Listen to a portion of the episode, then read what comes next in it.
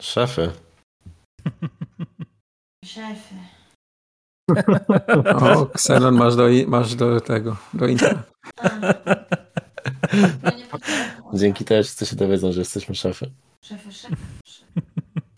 Generator intro na kanapie siedzi. tak, dosłownie. No. Bardzo dziękuję, bo nie muszę głupich memów szukać. Jeszcze niech coś o bobrach powie. powie. O. Po, powiedz coś o bobrach. Dobra. Tak. Pokazywałem już chłopakom. Okej. Dobrze. Tyle o bobrach. Nic nie złapało, więc trochę smutno, Bobry, ale okej. Dobrze, bobry to nie są Pokemony, żeby o nich gadać. Ja się zgadzam. O kurwa.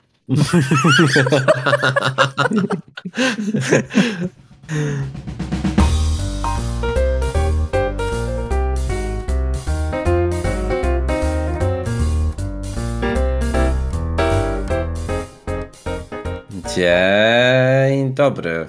Witam Was w kolejnym odcinku podcastu Spocone Bobry, a ze mną jak zawsze w niezmiennym składzie są Xenon, Dzień dobry. Emsat, Dobry wieczór. Futsi Cześć. oraz ja, Mati. Dyktatura nie trwała wiecznie, powiedziałbym, że nawet trwała krótko. Baliśmy się wszyscy, ale jesteśmy znowu wolni. Jak to Pucz. się stało, Emsat? Pucz z- został Ale za zrobiony. pierwszym razem i skuteczny? No Dziwnie, nie? niestety, ale ja jeszcze wrócę. Okej, dobrze. Jak Arnold Schwarzenegger. Zawsze wracam. Okej, to w takim razie będziemy, będziemy się mieć na baczności. E, też nasza społeczność może mieć na baczności w takim razie, bo nikt nie wiadomo czego się spodziewać, ale za to wiadomo, że można się spodziewać od nich pytań. Wow. I pytania mamy dzisiaj dwa. E, pierwsze dotyczy tego, jakie jest nasze auto marzeń, e, które chcielibyśmy mieć na co dzień. Tutaj wykluczone są super samochody i samochody egzotyczne. Mati pierwszy, bo ja wiem, co odpowie. Ja mam mówić pierwszy? Tak, bo wiem, co to będzie. A, e, no nie, nie wiem w sumie, czy wiesz. E, dla mnie jedynym autem, który bym chciał, to, to jest Tesla. Trójka. A to nie wiedziałem jednak, okej. A widzisz, myślałem, że, że powiem, że Xarcia, tak? No tak, ale może jakiejś nowej edycji. A, ja też okej, się tak okej. A spodziewałem. jest jakaś w nowej edycji? No nie, lepiej z jakiej by chciał, nie? A nie całkiem koniecznie. A, czyli mogę sobie wymyśleć, tak? Dobrze. No jest automarzem. Elektryczna, elektryczna ksarcia. O, o, okej, okej, okej. Dobra, macie moją uwagę. To jak będzie elektryczna Xarcia, to zmieniam, ale tak to z uwagi na moje zdrowe zainteresowanie motoryzacją, to byłoby coś, co jest tak naprawdę bardziej gadżetem niż samochodem. E, więc, więc Tesla trójka. Ja bym chyba jakiegoś hot hatcha przytulił. Jakiegoś Golfa GTI albo coś takiego. Kryzys wieku średniego osiągnięty. Kryzys wieku średniego to, to już za mną. Nie, zwykłego. A, co to jest hot hatch? O kurwa. No, samochody dla ludzi w kryzysie wieku średniego. Tak, to jest, A, to, jest, okej. to, to jest mały samochód wersji sportowej. Czyli taki Golf, tylko GTI albo Focus, ten e, STI chyba, tak? Taki, wiesz, Okej, okej. nie? Dobra, dobra, rozumiem. Xenon? Mm, kurczę, nie wiem. Mm. Jakbym mieszkał w domu, czy tutaj miał gdzie ładować, to jakąś taką Teslę trójeczkę też bym chętnie przygarnął. Albo, albo jakiegoś sedana większego, typu jakiś, nie wiem, Arteon, coś, coś, coś, coś takiego. Coś niekoniecznie szybkiego, jesteście. ale no miało być bez tych, bez szału, nie? Nie, no miały być bez super samochodów i bez egzotyków, no ale to jest jeszcze dalej bardzo duże pole. No, powiedzmy. Na mnie by taki wystarczył, no. Coś, czym by można było wygodnie podróżować i, i tyle. Nie musi być nie wiadomo jak luksusowe i szybkie jak dla mnie. Okej. E, Ja bym sobie zażyczył e, elektrycznego Hammera. Czy to jest taki Jezus jak Maria, ten, co, co jeździliśmy nim e, w Warzone? Tak. O, to znam nawet. I gdzie ty byś tym jeździł po tej Warszawie tam? Nie, no po Warzone. Nie, no wypraszam sobie, w pytaniu nie ma nic o tym, gdzie ja mieszkam, jeszcze mam garaż i tak dalej, nie? Tylko mam automarzeń, no. Po warszawiakach by jeździł po prostu. Dobra. E, Dobry pomysł. tak, dobry pomysł. E, na pewno by się przydał stolicy. E, natomiast drugie pytanie również motoryzacyjne, bo brzmi, e, co sądzicie o motocyklach? Czy, ma jakieś, czy macie jakieś doświadczenie, chcielibyście je zdobyć? E, moje doświadczenie z motocyklami ogranicza się do tego, że kiedyś byłem w Międzyzdrojach, to miałem zdjęcie z mamą na jakimś Harley'u e, i to mniej więcej tyle. Także Ja o motocyklach sądzę, że dobrze, że są dawcy narządów na świecie. Ja też szanuję swoje życie, więc jakoś mnie nie ciągnie. Mm. Ja jak byłem mały, to jeździłem na WSC i na MZC, ale jak jako pasażer, jeszcze nie jeździłem sam.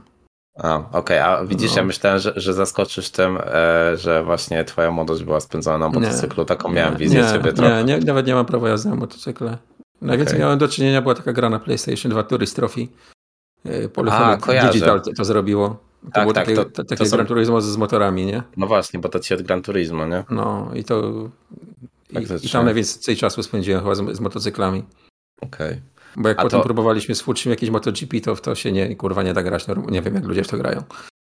No, To mi, mi, się, mi, mi się fajnie grało, e, nie pamiętam jak się to nazywało, ale takie, wiecie, na arenie crossowe e, wyścigi motocyklami, że hopki i w ogóle, nie, te To, sprawy. były, to nie były te trialsy?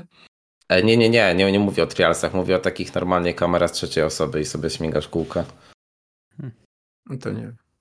Jakieś MotoGP stare kojarzę. A i z doświadczenia jeszcze wiem, kto to jest Valentino Rossi, więc tyle. Na, na tym się moja mo- wiedza w kończy. No, to ja trochę tam oglądałem MotoGP, nie?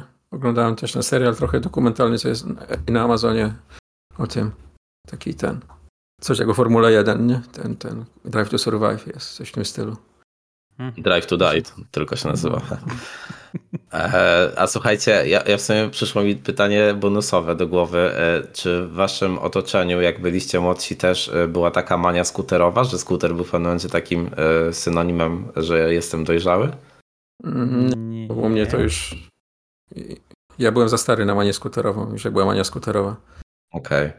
Mnie ominęło zupełnie, więc Ale pamiętam, że był taki moment, że tymi piździkami jeździła cała masa tych gówniarzy. To był moment, że nie trzeba było mieć na to żadnych tam do, dokumentów poza kartą chyba rowerową.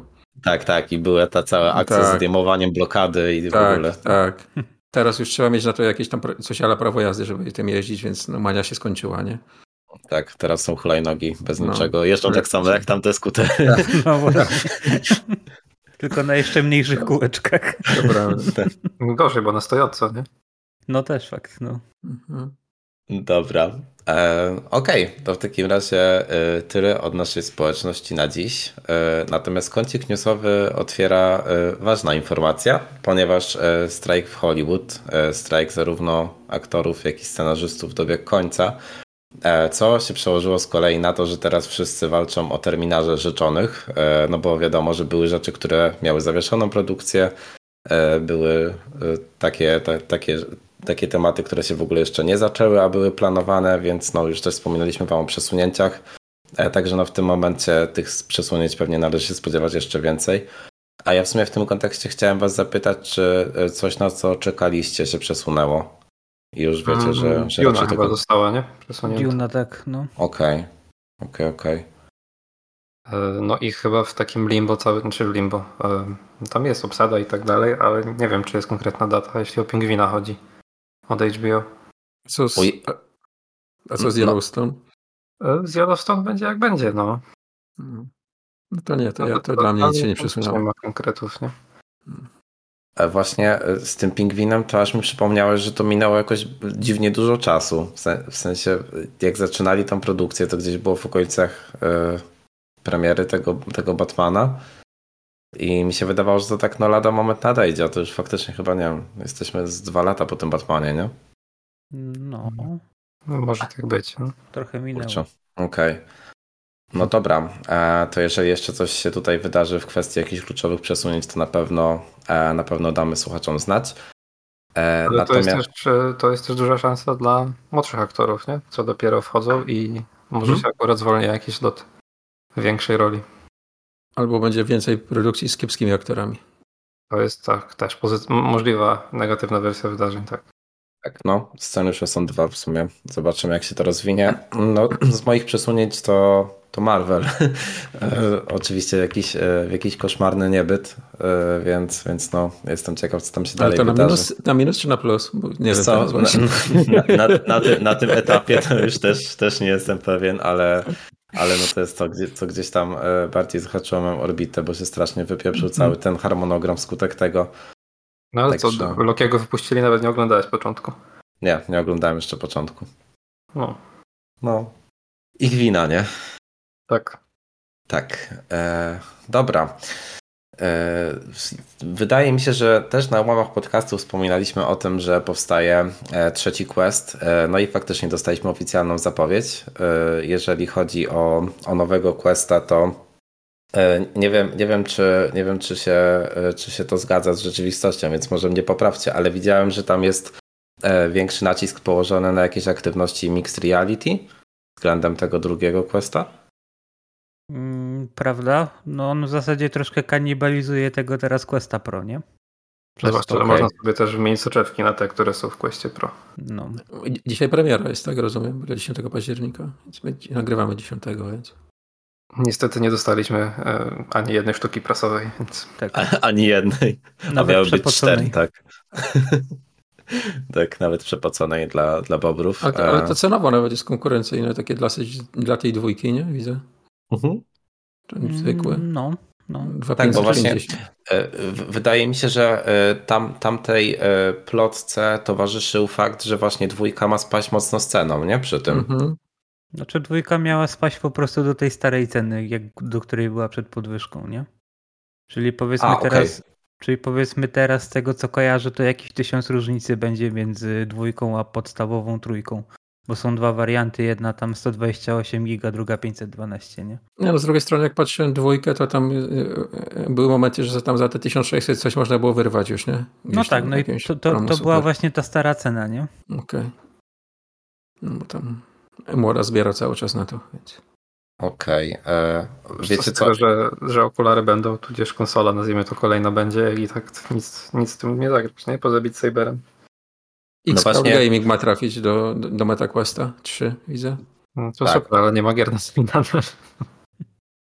E, o tym chciałem powiedzieć i chciałem powiedzieć o czymś, co mi wyskoczyło teraz dopiero przy tej okazji e, gdzieś tam w oczy, czyli ten MetaQuest Plus, który jest w ogóle jakąś ofertą subskrypcyjną ichniejszą, w której normalnie wychodzą gry co miesiąc, tak jak powiedzmy w Plusie, czy... Tak, ja, ja o tym tak mówiłem jest. w jednym odcinku, że fajnie było, A, okay. jak powstało i to w końcu, w końcu powstało. W końcu mhm. ktoś myślał sobie, że, że ma to sens. E, tylko, że nadal te gry to są takie, no wiesz, no, na zasadzie wiem, łowienia ryb ze starym, nie? Tego w VR-ze. Jasne, jasne, jasne. E, no, no faktycznie, nie? To, to jest dyskusja, która w sumie towarzyszy temu segmentowi od początku, że to jest bardziej doświadczenia niż, niż gry i chyba mm. trudno, żeby się przebiła ta bariera, skoro już jesteśmy tyle lat e, po, po gdzieś tam znowu takim komercyjnym wznowieniu tego VR-a i nadal, nadal jesteśmy na tym samym etapie, co nie? Tak, nadal peak experience'em takim defaultowym, bez podłączania tego do żadnego zewnętrznego sprzętu jest, e, jest Beat Saber i, i nie wiem co, no, masturbacja. No. I, i to, to, jest ta oferta MetaQuest e, no, osobno, nie? Tak, to są dwie kolumny jońskie, na których stoi cała, cała wirtualna rzeczywistość. No tak, no bo jak chcesz kolejną tą kolumnę sobie dołożyć, którą są gry wyścigowe, no to potrzebujesz zewnętrznego sprzętu, nie? Mhm. No tak, to prawda. Prawda, prawda. E, dobrze, e, nie dostaliśmy promki, więc, więc kupować nie będziemy, także recenzji Questa trzeciego raczej na, podcasty, na podcaście się nie spodziewajcie. Ale you never know, never know. Ale nigdy, nigdy nie wiadomo. Jak coś, to e... jesteśmy, Mark. Mhm. Tak, jesteśmy pod telefonem, jesteśmy na Facebooku, jakbyś chciał wygodniej napisać, więc, więc śmiało, e, śmiało. E, dobra, e, następne wieści są smutne. E, smutne z tej perspektywy, że przynajmniej w liczbie dwóch osób czekaliśmy tutaj e, mocno na wilka kolejnego, ale tak. Telltale jak się złożyło, tak się rozjebało znowu. Tak. E, I niestety, niestety są zwolnienia te, te nowe Telltale zdołało wydać e, tylko The Expanse, e, o którym odpowiadał MSAT na jednym z ostatnich odcinków. E, no i w tym momencie no, należy się spodziewać, że, że ten wilk już przekładany tyle razy raczej się też nie wydarzy za szybko, co nie? No pewnie nie. No, ale jesteście zdziwieni po mojej recenzji? Czy co? Bo ja nie wiem, kurwa. No, smutnie po prostu, bo chcieli fajną grę z tego świata. Nie? Znaczy, ja, ja, jestem zupełnie szczerze zdziwiony, że oni na powrót nie wybrali sobie właśnie dociśnięcia wilka, który faktycznie gdzieś tam się odbił i, i był takim tytułem chyba najbardziej powiedzmy szanowanym e, z ich, z ich dotychczasowych dokonań. E, tylko właśnie poszli w kolejną licencjonowaną grę, tak no, no bo nie wiem, czy pamiętacie tam przed E, przed zamknięciem tamtego Telltale to Stranger Things nawet było w produkcji, co nie? E, więc, więc no nie wiem, trochę, trochę, trochę dziwnie. No, ale tak, no argumentowane jest to oczywiście obecną sytuacją rynku rynku growego. Te zwolnienia w game devie faktycznie się odbijają po firmach. Natomiast no, smutne wieści z perspektywy, z perspektywy właśnie czekania na, na wilka drugiego. No tak, teoretycznie powiedzieli, że wszystkie projekty, które są w developmencie ciągle w nim są, ale no hej.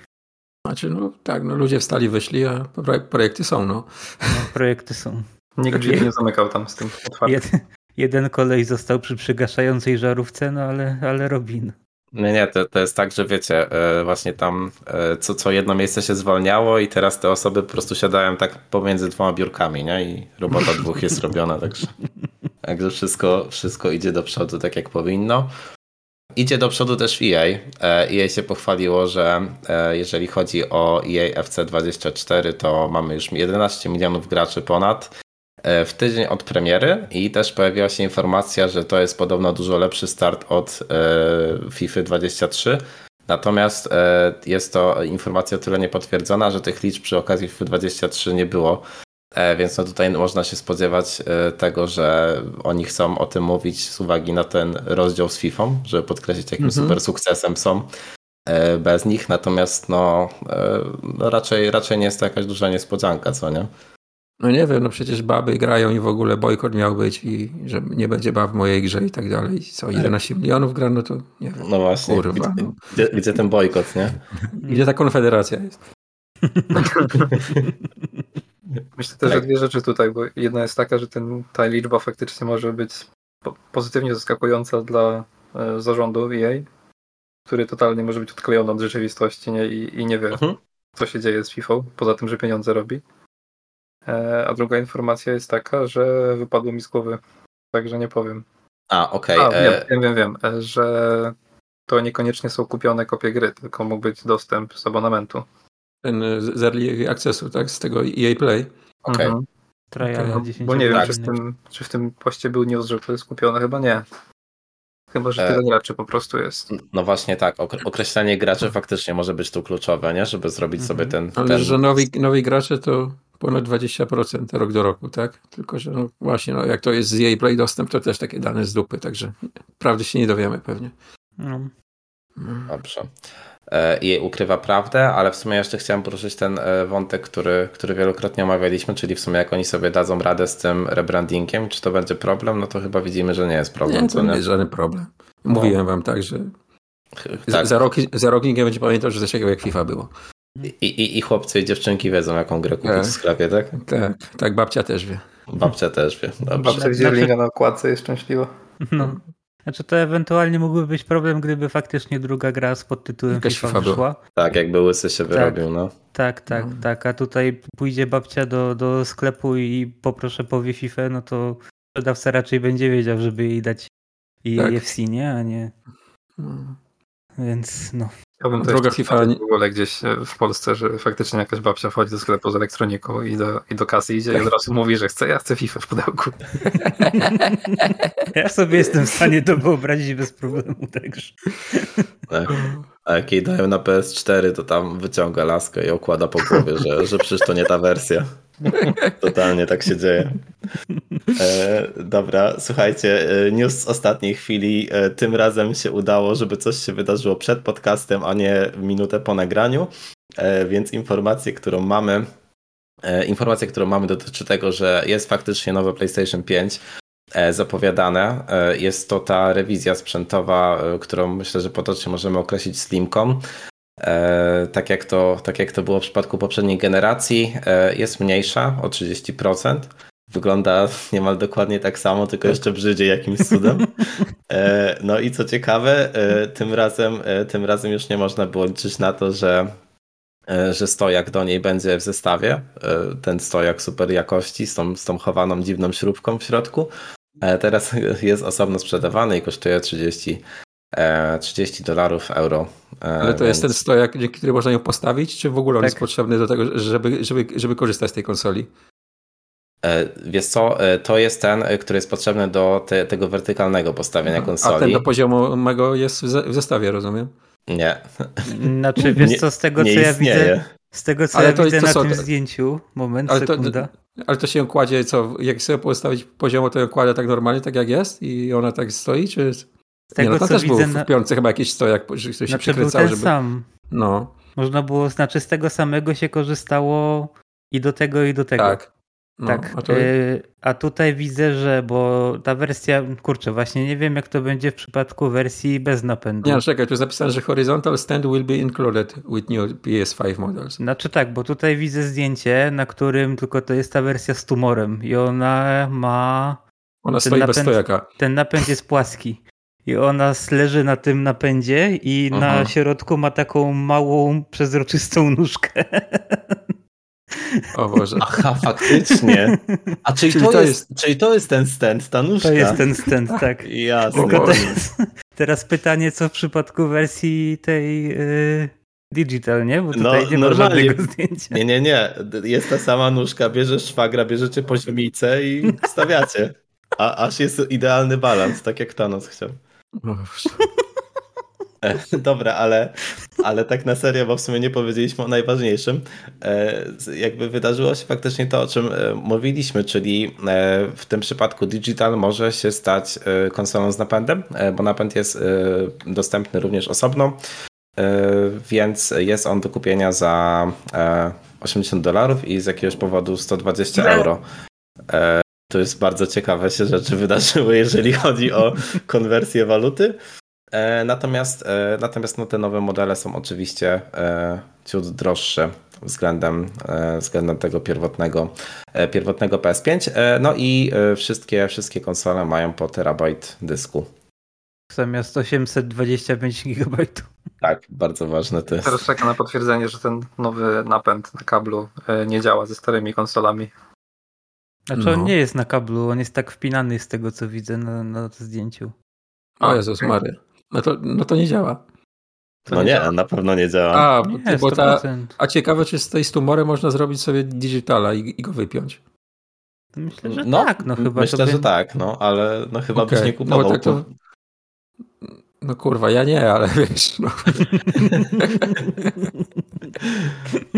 No w sumie jakby znowu była taka sytuacja, że wszędzie, że, że właśnie digitala tak trudno dostać, bo z tego co wiem, to, to w Stanach w sumie nadal jest trochę z tym problem.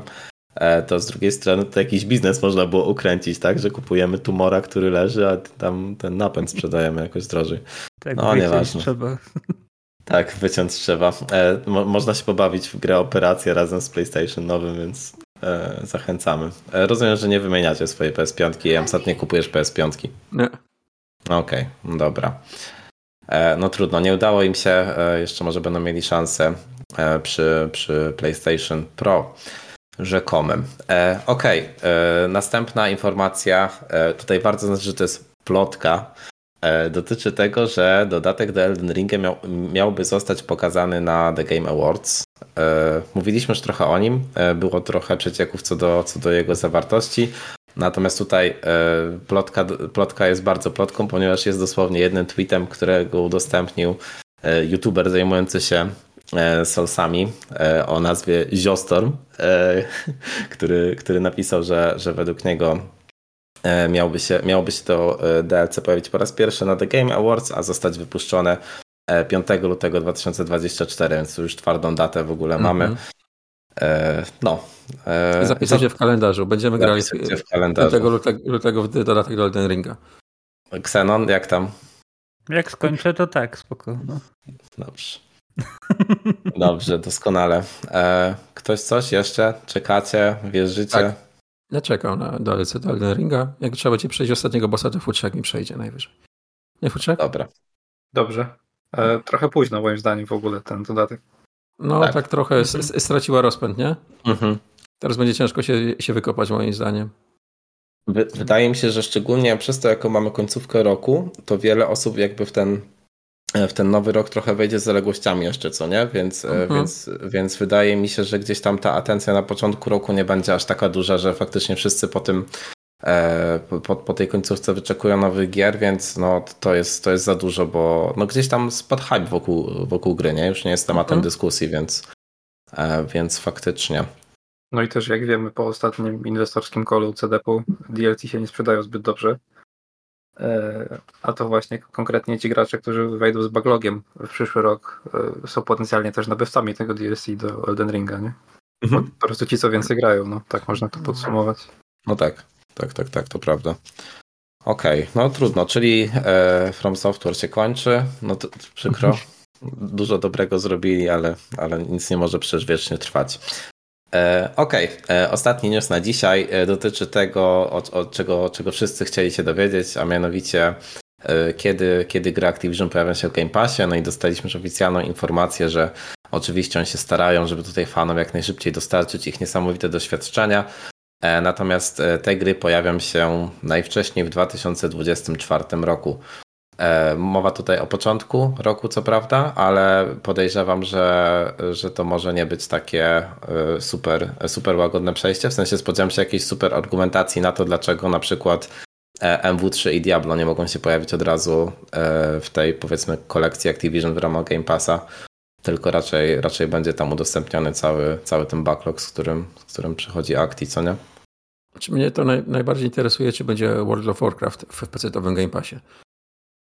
Okay. z tego wszystkiego. Bo ja bym sobie czasami pograł, ale no, nie na tyle, żeby płacić co miesiąc abonament, nie?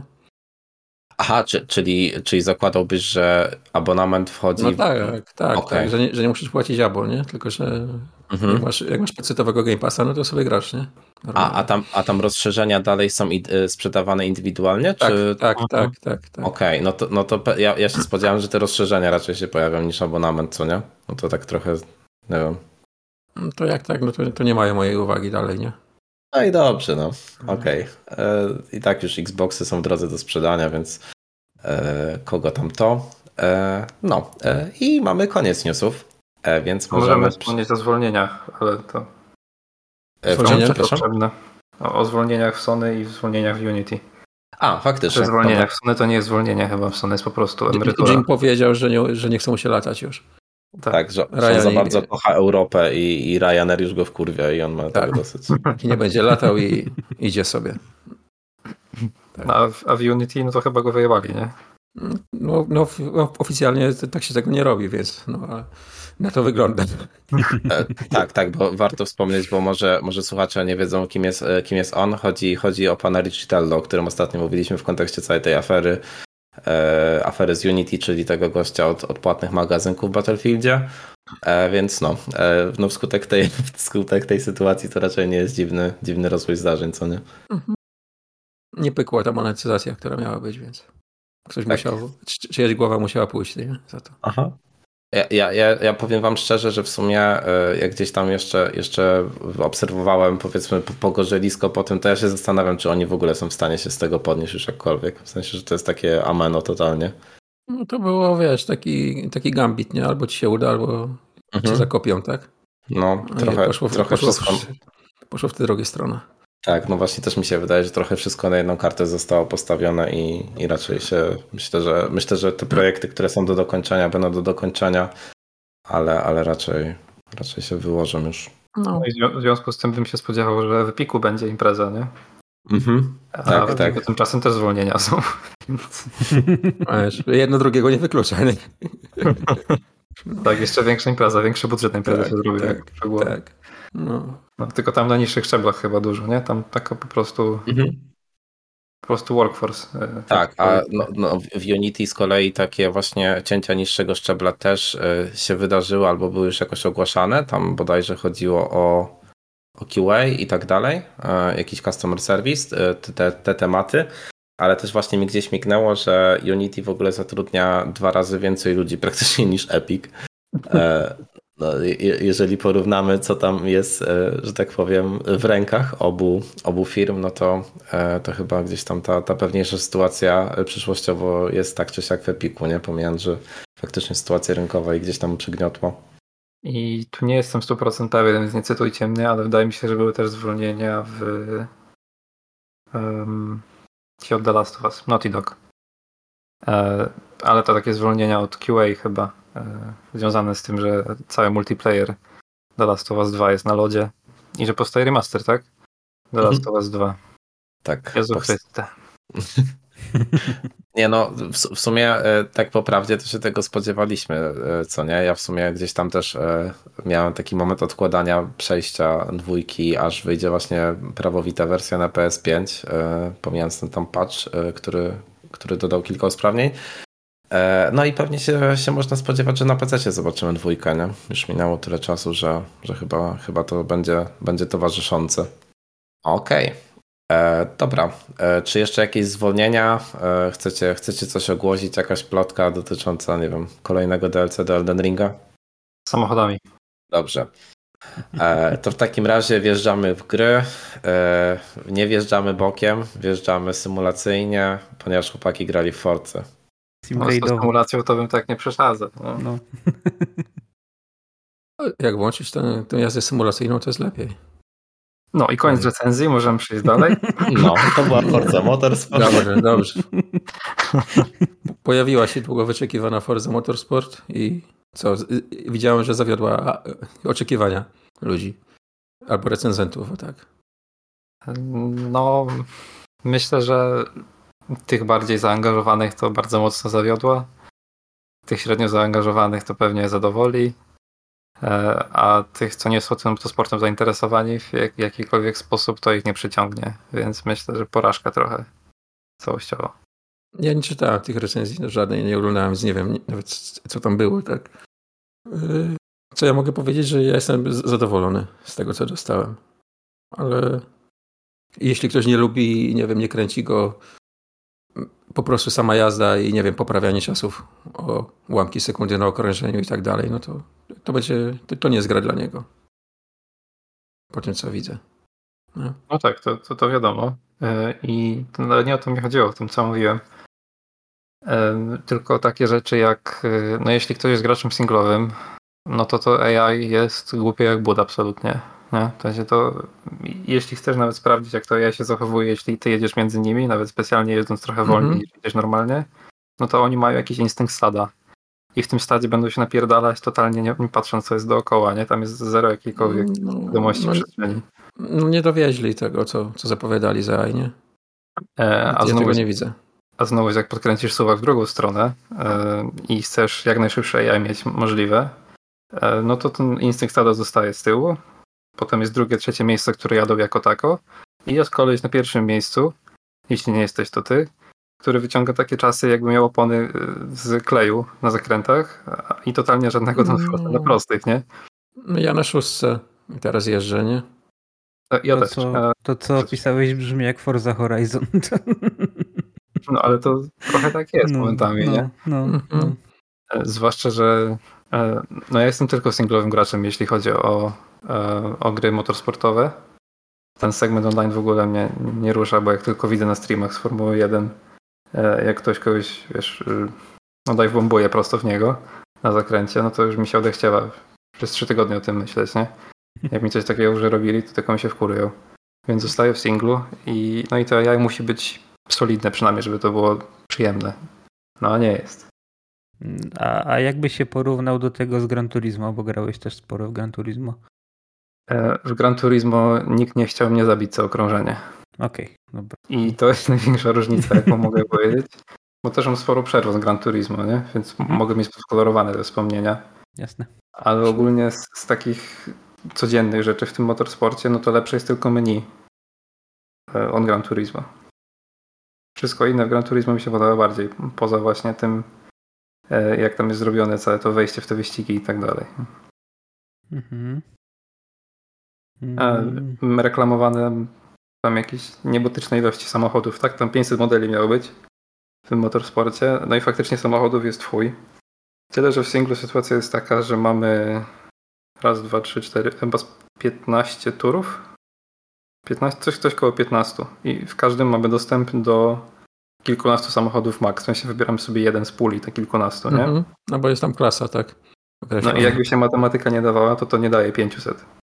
E, co powoduje, że są samochody, których nie użyjemy nigdy w singlu, jeśli nie będziemy się w karierze. Znaczy, znaczy myślę, że będą dodawane też, też w karierze masz te, te, te czasowe te eventy, nie? No, tak, tak, tak, Także myślę, że to tam będzie tak rozbudowane. Single, single round będzie się żył w jakiś sposób, nie? Masz jeszcze rivalsy, tak, których możesz sobie czasówki bić e, z innymi, nie? I tam możesz sobie wybrać dowolny samochód, byleby był, się, byleby był klasy jakiejś określonej, tam ABCD, nie?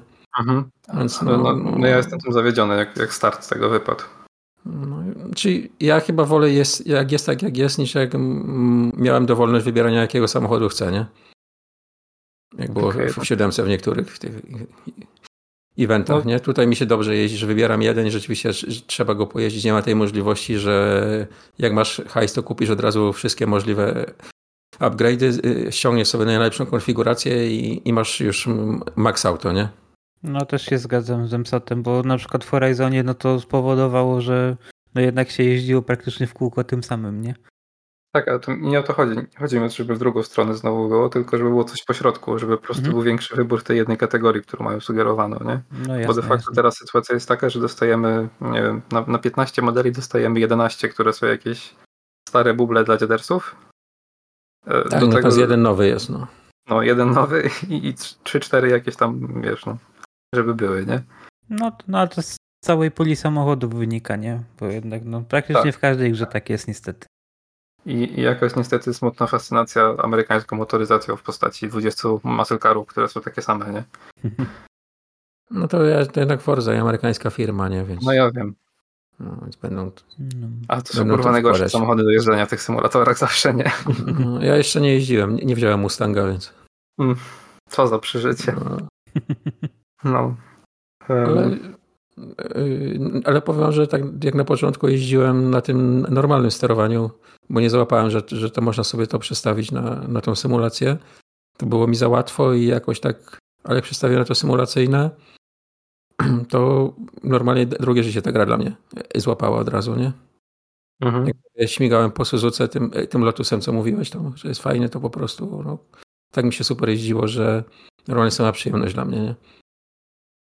Tak, tak Lotusem ogólnie, jest bardzo dobry w tej grze, tak. Ogólnie bardzo przyjemnie się jeździ nawet na padzie, czy nawet na padzie, przede wszystkim na padzie w zasadzie. Eee, ten, ten model jazdy jest naprawdę super. Czuć, że to nie jest taki 100% arcade ani 100% sim. Mhm. Eee, no jest tak w sam raz jak dla mnie. Znaczy, no ja mam przyjemność po prostu z jazdy tym, nie? No, I dokładnie, dokładnie. Ja tam za wiele więcej nie potrzebuję, tak? No to AI hmm. znaczy, dla mnie jest lepsze niż było w Forzie, bo bo ja jestem w stanie tego pierwszego na tym szóstym, jak się sprężę i się skupię, to go dogonić, nie? jak tam startuję gdzieś nie wiem, z, z dalszego miejsca. Ja sobie zresztą ten roleplayuję i taki jaki czas mam w tym. W, w, treningu, który jest obowiązkowy, tak, gdzie robisz te trzy kółka najlepszy, no to tak się ustawiam, nie? Z tego miejsca startuję po prostu mm. z, z, tymi czasami. Ja, więc no różnie, czasami startuję z trzeciego, no bo na pierwszy nie możesz się ustawić, nie, żeby wystartować. Mhm. Ale no czasami startuje gdzieś tam, nie wiem, z, z 20, tak? Więc okay, różnie. To ja, no. ja startuję między 7 a 9, zależnie jak, jak lubię tor. Um, ale a propos tych treningów, co wspomniałeś, które są no, no nieobowiązkowe, ale trzeba je włączyć, żeby móc je wyłączyć. Mm -hmm. tak, to nie trzeba przejechać, tak można sobie ten wyjść Można skipnąć, tylko opcja skipnięcia jest w menu pod wyjściem, okay. także okay. łapka w górę, panie Microsoft, jak zwykle. Um, ale one są no, mimo tego, że są skipowalne, no to są jednak obowiązkowe w takim sensie, że bez nich rozwój samochodu będzie bardzo mocno spowolniony, nie? Bo to de facto tak, no. połowę ci. Znaczy więcej jeździsz, tym, tym, tym więcej masz tych punktów na, do samochodu, nie? Więc. Mhm. I tak, to są też narzekania graczy multiplayerowych, bo jeśli chcesz sobie jakiś samochód wylewelować, e, w sensie, może inaczej, jeśli chcesz korzystać z jakiegoś konkretnego samochodu, bo nie bo polubisz go z innych gier, bo masz go na żywo i tak dalej, i tak dalej, no to jesteś zmuszony do grindu naprawdę kilka godzin, e, żeby dobić go na taki wyższy poziom, nie? żeby mieć podblokowane wszystkie tam ustawienia do tego samochodu. No, nie wiem, dla mnie to nie jest minus, nie? Już, już mówiłem wcześniej dlaczego, tak? Bo drugie, z drugiej strony masz to, że wchodzisz, masz hajs, kupujesz sobie wszystko, co, co chcesz, najlepsza konfiguracja i tyle masz nie? z samochodu. Nawet kosmetyka czasami jest schowana za tam nastym levelem, nie? Więc to tak... No, Brakuje trochę balansu w tym. Tak, to no co, no, są te bolączki pierwszej gry, nie? Też nie wszystko to działa tak, jak powinno. E, I a, a, propos, a propos wizualiów, e, w sensie nie wydajności i tak dalej, tylko e, samej kosmetyki samochodów. Um, to mnie strasznie wkurwia, jak jadę sobie po, nie wiem, po Silverstone, czy po Spa, czy po Suzuce i nagle przede mną z boksu wyjeżdża niebieski, kurwa, Bentley oblepiony Pikachu, nie? To jest tak. po prostu. O, dlaczego? Dlaczego oni to zrobili? Znaczy, no bo Co? to zasysa te, no, bo to zasysa te malowania społeczności, tak? Jakoś tam tak. losowo, nie? Tak. Więc, albo w sensie, w sensie to chyba to jest tak, że jak ci bierze drivatara czy jakiegoś gracza i jego jakiś tam samochód, no to bierze go tak, jak on ma go, że tak powiem, mhm. i, jego wizualia też, nie? Czyli tak, jeśli ja mam tak. Bentleya w Pikachu, jedzie z moim drivatarem i jest ta klasa i mój drivatar jedzie tym Bentleyem, no to będzie z tym Pikachu, tak? Tak. No, no i tak to, to jest wygląda. Nie wiem w ogóle po co znaczy... takie opcje wizuali znaczy wizualizacji, kustomizacji tych samochodów e, czysto wizualnie w grze tego gatunku. Ja nie zwracam na to jakoś uwagi, natomiast zwróciłem uwagę na to, że jak wchodzisz e, chcesz sobie załadować te jakieś e, malowanie społeczności, to nie wiem czemu ono jest kurwa w 360p pokazywane jakoś. Jest, no. I, I, w kanciastej rozdzielczości. Nie, nie, kurwa nie rozumiem. Czy to jest z siódemki jeszcze jakieś są, wiesz, jest zaploadowane do tych samochodów, ale też nie, no bo ja szukałem też do nowych, których nie było w siódemce, nie? Więc i to też to tak wyglądało, ale po prostu to jest jakieś kurwa, nie wiem co to jest w ogóle. No. no. Ogólnie teraz pytanie, jak oni tę grę w ogóle zamierzają potraktować, czy to ma być, skoro to jest bez żadnego numerka ani nic, to czy to ma być po prostu jakaś taka platforma do dalszego rozwoju? No, wiesz, no z tego co mówili, to tak, no mają tam mhm. kontenty dodawać, tak, mają, mają dodawać tory i tak dalej, auta i inne rzeczy, nie? Mhm. Natomiast, no wiesz, no, zapowiadali też dobre AI, nie? Więc... No, no tak, no tak. No. no ale dobre AI to w każdej ścigałce, no właśnie. Tak rewolucyjne każdej... miało być, tak, a no, tak, nie tak to w każdej zapowiadają, no więc to... No. Taka, taka wtedy, smutna prawda. Dlatego wtedy byłem też sceptyczny, no bo, bo też już, ja już to słyszałem parę razy, nie? Wcześniej. Więc mm. się sprawdziło, no ale nie, no dla mnie jest lepiej niż w tym, niż w, w Horizonie 5 na pewno. Zdarza się też, że to jaj głupieje. E, nawet jak nie jest na widoku u nas. W sensie nie musimy widzieć tych samochodów, żeby coś się o nich odpierdoliło. E, ja wrzucałem to nagranie na Discorda, jak e, przy wjeździe do tak. pitu mhm samochody wyjeżdżały z niego wjazdem, nie? I no. tam karambol to powodowało. Znaczy też mi się wydaje, że jeśli oni wykorzystują tego AI, to maszynowe uczenie, no to to AI ma szansę że z czasem być lepsze, jak więcej ludzi będzie w to grało i w ogóle i tak dalej, ono się będzie na tym uczyć, nie? To jest ja dla mnie jakieś tam. Ludzie będą w to grali. To jest dla mnie jakieś tam, tam światło, wiesz, w tunelu, nie? To jest, no to wiesz, to jest, mhm. to jest pytanie i, co zaprogramują, żeby na czym, żeby się uczyło, nie? Mhm. Też, no, no, no, tak, no to wiesz, no to jakie dane włożysz, takie potem dostaniesz wynik, nie? No wiadomo, wiadomo. Więc, no ja, ja to też w tym to upatruję, tak, że jeśli tam jest to AI rzeczywiście, no to ono będzie, powinno być coraz lepsze, tak, z czasem. No teraz jak my graliśmy jeszcze w tym wczesnym dostępie, to tam danych za dużo nie było, nie? Hmm. Prawda. No, no, ewidentnie nie wykorzystali zbyt wielu danych, jeśli. No tak, no, no. no ich nie było, no to wiesz. No to okay, no to. Były, nie? I nie wiem, czy się poprawi to AI. No mówię, jeśli chwalili się tym, że to, że, że to się uczy i tak dalej, no to teraz będzie miało na czym się uczyć, nie? Mhm. No cóż, no mo moim zdaniem jest to jakaś solidna podstawa. Jeździ się bardzo przyjemnie. No, zobaczymy, co z tym zrobią. Mhm. On, na, na, ten, na, ten, moment każdy zakręt koło w koło to jesteś jak koło koło z Verstappenem dwa lata temu, nie? Czy ja, Sayonara ogólnie. Jakoś tak nie odczułem tego w ten sposób. Nie wiem. Nie zauważyłem, żeby to było jakieś tam agresywne. Super, zdarzają się jakieś tam puknięcia, ale to nikt mnie jeszcze z toru nie wyrzucił. No, to, może, to może wy nie umiecie jeździć. To ja ci mogę nagrywać więcej jak chcesz. Rzucałem jedno jak na... E, nie wiem, jaki to był tor amerykański, nie znam tak dobrze z nazw, e, ale jeden z tych takich, gdzie jedziemy po, pod dużym kątem, nie? No, po, po, jest, jest. Owalu, e, gdzie po prostu na zakręcie skasowali mnie w taki karambol, że dachowałem trzy razy, nie? Też jest rzucony na Discord nagranie, jak ktoś chce. Nigdy czegoś takiego nie miałem w ogóle. Nie mam takich przeżyć. Mm, ale jeszcze możemy o wydajności trochę porozmawiać, bo na konsoli ta gra chodzi bardzo stabilnie i jest mm -hmm. zazwyczaj bardzo ładna. Znaczy, Ale jak czasami się oświetlenie spierdoli, to ratujcie się. Czy ja mam problem z tą paletą barw jakoś? To jest jakieś takie kurwa, jakby... No paleta trzeba... barw jest taka, I, że... Jakby jest... trzeba było wytrzeć monitor, to wygląda. O, tak. Jakby miał ujebany monitor, nie? I... No jest, jest wyprane troszkę z kolorów, jest po prostu... Y, dla mnie wygląda jakby coś nie tak z gammą było. No, to jest takie dziwne, jakieś takie no. prześwietlone jakby było, coś tam jest nie tak, tak jak, jak, powinno być moim zdaniem. Jak ktoś dużo w życiu korzystał z telefonów Samsunga e, to jest przyzwyczajony pewnie do obrazu, który jest mocno saturowany, nie? To to jest mhm. dokładnie odwrotnie. Tak, no. Tu każdego koloru brakuje. I, I, nic nie ma takiego efektu pop przez to. Mhm. No.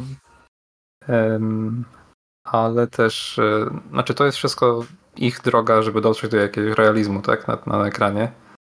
E, natomiast są momenty, gdzie to oświetlenie troszkę nie domaga i powoduje, że jesteśmy jakby w jakimś UFO. Um, ale no, ciężko mi o tym mówić bez pokazywania obrazków, nie? Mm-hmm.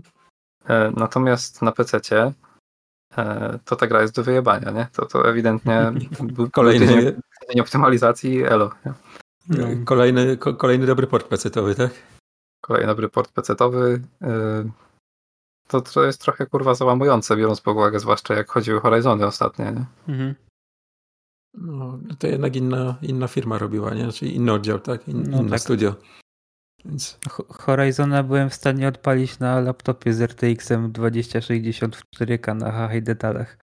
Znaczy mhm. Horizona czwórkę chyba, z tego co pamiętam, no ale, ale still.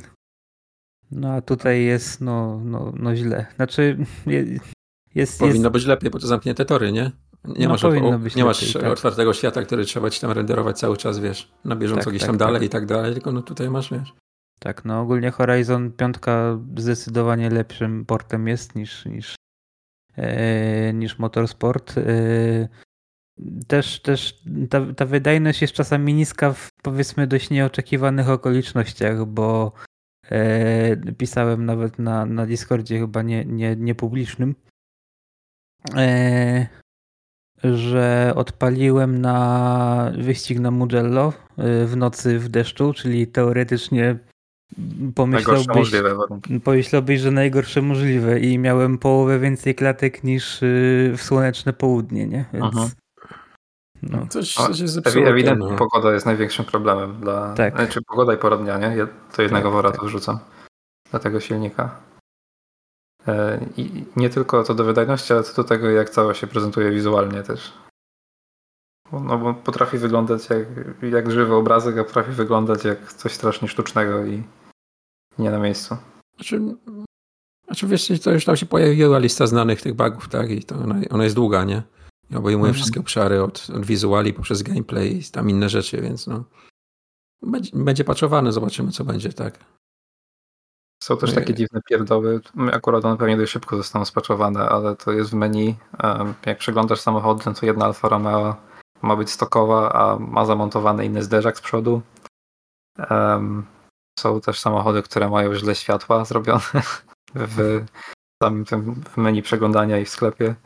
I wszystkie są po prostu czarne, zamiast być po prostu przezroczyste. Okej, okay, no jakieś no, niedoróbki widać, że się, widać, że się spieszyli z tym też, nie? Mhm. Pewnie. Tak, zdecydowanie. No. Mm, będzie rozwijany dalej. Ludzie też na Xboxie skarżą się, że ich wywala do Dasha często. Mhm. Mi to zrobiło raz tylko. To pierwszego dnia jak grałem, więc no nie wiem. Nie wiem od czego ten problem jest uzależniony, nie? No też nie wiem. Ja mam dwa razy tyle, co ty pograne patrząc po levelu, a też mi się nie zdarzyło ani razu. No to, to ja miałem tylko raz, tak? I to pierwszego dnia jak graliśmy. Znaczy, jak grałem. Tak to. No ale mhm. tak mówię z krokinkarskiego obowiązku, że są ludzie, co się skarżą na to, nie? że ich często mhm. wywala. Mhm. E, no i jeszcze wspomnę, że ja mam dwie trzecie czasu, tak myślę, na oko na konsoli, a jedną trzecią na PC. E, na PC dlatego, że tylko tutaj mogę kierownicę używać, bo mam tu kompatybilność z PC i PS5. Mhm. E, I no jakby to chodziło lepiej na, na kompie i przede wszystkim wyglądało ciut lepiej, to bym grał tylko na kierownicy. No ale jako, że jest jak jest, no to wracam na kanapę i, i biorę pada w rękę. No pad jest w porządku. Jest w porządku. Mhm. E, kierownica też nie jest aż tak dobra jak Gran Turismo, czy no w ogóle nie tak jak symulatory, oczywiście. E, ale naprawdę jest dużo lepiej niż było w poprzednich Forzach z kierownicą. Że, że, da się grać po prostu, nie? O tak, zdecydowanie. No i tak, faktycznie wiesz samochód w końcu, nie? Mhm. Na samym force feedbacku, więc no, to jest na duży plus. No na kierownicy jest, jest naprawdę przyjemnie. Eee, aczkolwiek mm, nie wiem, czy bym nie wolał i tak w tej grze pada mimo wszystko. Ja, ja nie mam odniesienia, więc się nie wypowiem. Gram tylko na padzie, więc. Jakoś nie wiem, też, też przeskakiwałem troszeczkę między, między kierownicą a padem i I naprawdę na kierownicy da się grać, jest, jest przyjemnie, ale jednak chyba więcej frajdy mimo wszystko mi sprawia na padzie ta gra. Co mi odwrotnie, ale rozumiem. Także co, polecamy? I nie każdemu, nie? No na pewno nie, nie każdemu. Na pewno nie każdemu. Tak, no, tak, tak. Na pewno sobie... nadzieje na rozwój są duże. Ale... Mhm. Znaczy, no generalnie jak ktoś sobie lubi tak pojeździć, się pościgać i w ogóle, no to, to trzeba do Horizona iść, nie? Tu już trzeba, nie wiem, lubić motorsport, torowe ściganie i nie wiem, no jeżdżenie samo i poprawianie czasów, tak? To, tak. Jeśli, jeśli komuś daje satysfakcję, no to, to jak najbardziej zapraszamy, nie? Ale jeśli nie, no to ta gra nie jest niczym innym, tak? Też nie wiem, bo było, że miała być rewolucja, nie rozumiem jakiejś rewolucji spodziewali w tym torowym ściganiu ludzie, że, że no, dla, mnie, co dla mnie Bentley z Pikachu jest rewolucją jednak. Nie, no, no dobra, no pominijmy to, tak, no ale no jakiej rewolucji w torowym ściganiu? Tak samo jak ciągle jest narzekanie, że kolejna FIFA jest ta sama, nie? Hmm. No jaka kurwa ma być, no? Tak samo i tutaj, no. Co mieli zrobić, no? Helikoptery dać tutaj, czy co? No bo nie wiem. Nie, no to tych głupich nawet nie ma co. No, bo wiesz, no bo, bo rewolucja, rewolucja. No jaka rewolucja? No, no, rewolucja jest dla mnie w modelu jazdy, bo się jeździ w, w chuj lepiej niż Forzy 7, tak? Czuje się lepiej samochód i naprawdę e, dużo więcej frajdy sprawia to jeżdżenie, nie? Dla mnie to jest rewolucja. No i koniec, no. tym kończymy, myślę, recenzję. Tak. No tak. Dobrze. Solidny tytuł, brakuje szlifu niestety. No ale też czasem, jest szansa, że z czasem go dostanie, nie? Mhm. Jak najbardziej. Mati, zachęciliśmy cię? Czy ja chciałem dodać, ja, już. ja chciałem dodać, że ten, ten z Pikachu to byłem ja. Specjalnie odpaliłem na klaudzie, zrobiłem tę edycję i wyłączyłem tą grę w cholerę. Nawet się nie zdziwił bardzo, nie? Widzisz. Ale ja e... prześladował mnie w każdym wyścigu, no. Znaczy w treningu, bo tam w wyścigu to przestałem szybko, ale w treningu zawsze. No. no. Dobra, e, kolejną grę ma dla nas Futrzy w takim razie. Mm, dobrze, kolejna gra to jest God of Weapons. E, to jest taki malutki tytuł kosztujący dosłownie 22 zł. Grywalny na Steam Decku, uwaga. U, ważne. E, który jest no, z tego samego gatunku co Vampire Survivors. Tylko troszkę inna kamera jest może tak, bo tu mamy rzut izometryczny jak z Diablo. I no levele są takie same wszędzie, bo po prostu wspinamy się po wieży. Znaczy wspinamy to jest mocne słowo, no jakby przechodzimy z poziomu na poziom wieży wyżej. E, I po prostu zabijamy mobki, nie? Więc wszędzie całe wizualia to jest uciekanie przed mobami, no i oglądanie cyferek jak rosną. E, ale w, w czym ta gra w ogóle jest zabawna? Bo to, co opisałem, to nie, przy, nie brzmi samo sobie zbyt dobrze raczej. E, zabawna jest z tym, że tutaj co to ten poziom, w sensie co piętro, e, możemy zmieniać nasz build. Mamy dostęp do takiego małego sklepu i w tym sklepie wydaje mi się, że losowo się generuje e, jego asortyment, ale może ktoś mnie poprawi w komentarzach. E, I nasz ekwipunek jest zrobiony, stworzony z kwadracików i wraz z każdym poziomem możemy sobie te kwadraciki dodawać. Więc wyobraźcie sobie ekwipunek, nie wiem, wczesnych Diablo. Coś takiego. I zależnie od tego, jak my ułożymy te bronie, tudzież sprzęt w naszym ekwipunku, e, no to one tak będą działać. W sensie będzie synergia między jednym rodzajem broni a drugim. Będą buffy między tym itemem, tamtą bronią i tak dalej, i tak dalej. No i oczywiście wszystkie bronie mają różny kształt, różne rozmiary, różne rozmiary. No i to nam pozwala tworzyć różne buildy. E, no i to jest cały, cały mek zabawy tutaj. Tym się tylko to wyróżnia od całego gatunku, podgatunku powiedzmy. No bo to nadal myślę, można jako rogalik też opisać, nie? Wszystko z, z, z grupy Vampire Survivors. To nie, nie brzmi jak duża rewolucja. E, no nie, to nie jest duża rewolucja, ale to też nie jest duża gra, nie? Myślę, że po prostu jak komuś może brakowało czegoś, jakiegoś minimalnego odświeżenia, może tak w tym podgatunku, to to może być całkiem przyjemne, zwłaszcza za tak małe pieniądze okay, no właśnie, właśnie ty mi to podrzucałeś. E, ja nie zdążyłem do tego zajrzeć przed odcinkiem, ale w sumie, w sumie faktycznie, e, jeżeli chodzi o ten gatunek, mi się jakaś taka stagnacja w nim załączyła, więc, więc może, może sobie w to zerknę. Dobra. Szkoda, że tego A. mobilnie nie ma, bo to by było przyjemniejsze. O, no masz mobilnie na Steam Decku, najlepszej konsoli na świecie. O, tych... Jest już e, OLED? Czy... Cicho tam. OLED. Jeśli jest masa, jak OLED będzie, Mati. Dobrze, e, będę dzwonił wtedy. E, Okej, okay. E, czy udało wam się tym razem zagrać w Paydaya 3? Tak, tak. Udało. Wow, brawo. I nawet było fajnie przez chwilę. No. Przez chwilę. Myślę, my, tak myślałem, że to będzie kluczowe w tym przypadku. Nie, wiesz, znaczy początek był myślę dość taki wolny, mhm. bo no, początek każdym paydayu, każdej dla nas nowej mapie jest taki, że musimy się tej mapy nauczyć, nie? Zobaczyć, co się na niej dzieje e, i wiedzieć, gdzie musimy iść i co robić. E, no i sam ten etap, jak my to sobie wymyślaliśmy. I rozkminialiśmy wszystko po kolei, To był super. Kroczek to... po kroczku to jest pewnie jedna z no, tak. najlepszych rodzajów zabawy, jakie możesz mieć w grach koopowych. Mhm. E, natomiast potem dotarliśmy do momentu, gdzie wersję stealth danego przejścia możemy zrobić tylko w jeden konkretny sposób, nie? Tak. Jak, jakakolwiek dewiacja od tego, tego podejścia skończy się totalną porażką i nie ma stealth, tylko jest napierdalanie się. Mhm. No i gdzieś po dwóch godzinach zabawy, e, jak nam jebło, przez jeden błąd, o którym nie wiedzieliśmy, że jest błędem, E, no to uznaliśmy, że pierdolimy i tak nie można robić. No. no. Już mieliśmy dyrektora banku, mieliśmy jego tęczówkę przyłożyć do, do czytnika i no i koniec, nie? No trzymasz typa, dwa metry jesteś od tego, ale zauważył cię ochroniarz, że już musisz kurwa termitem e, wypalać dziurę w dachu, nie? Tak. No. no ale dziwnie.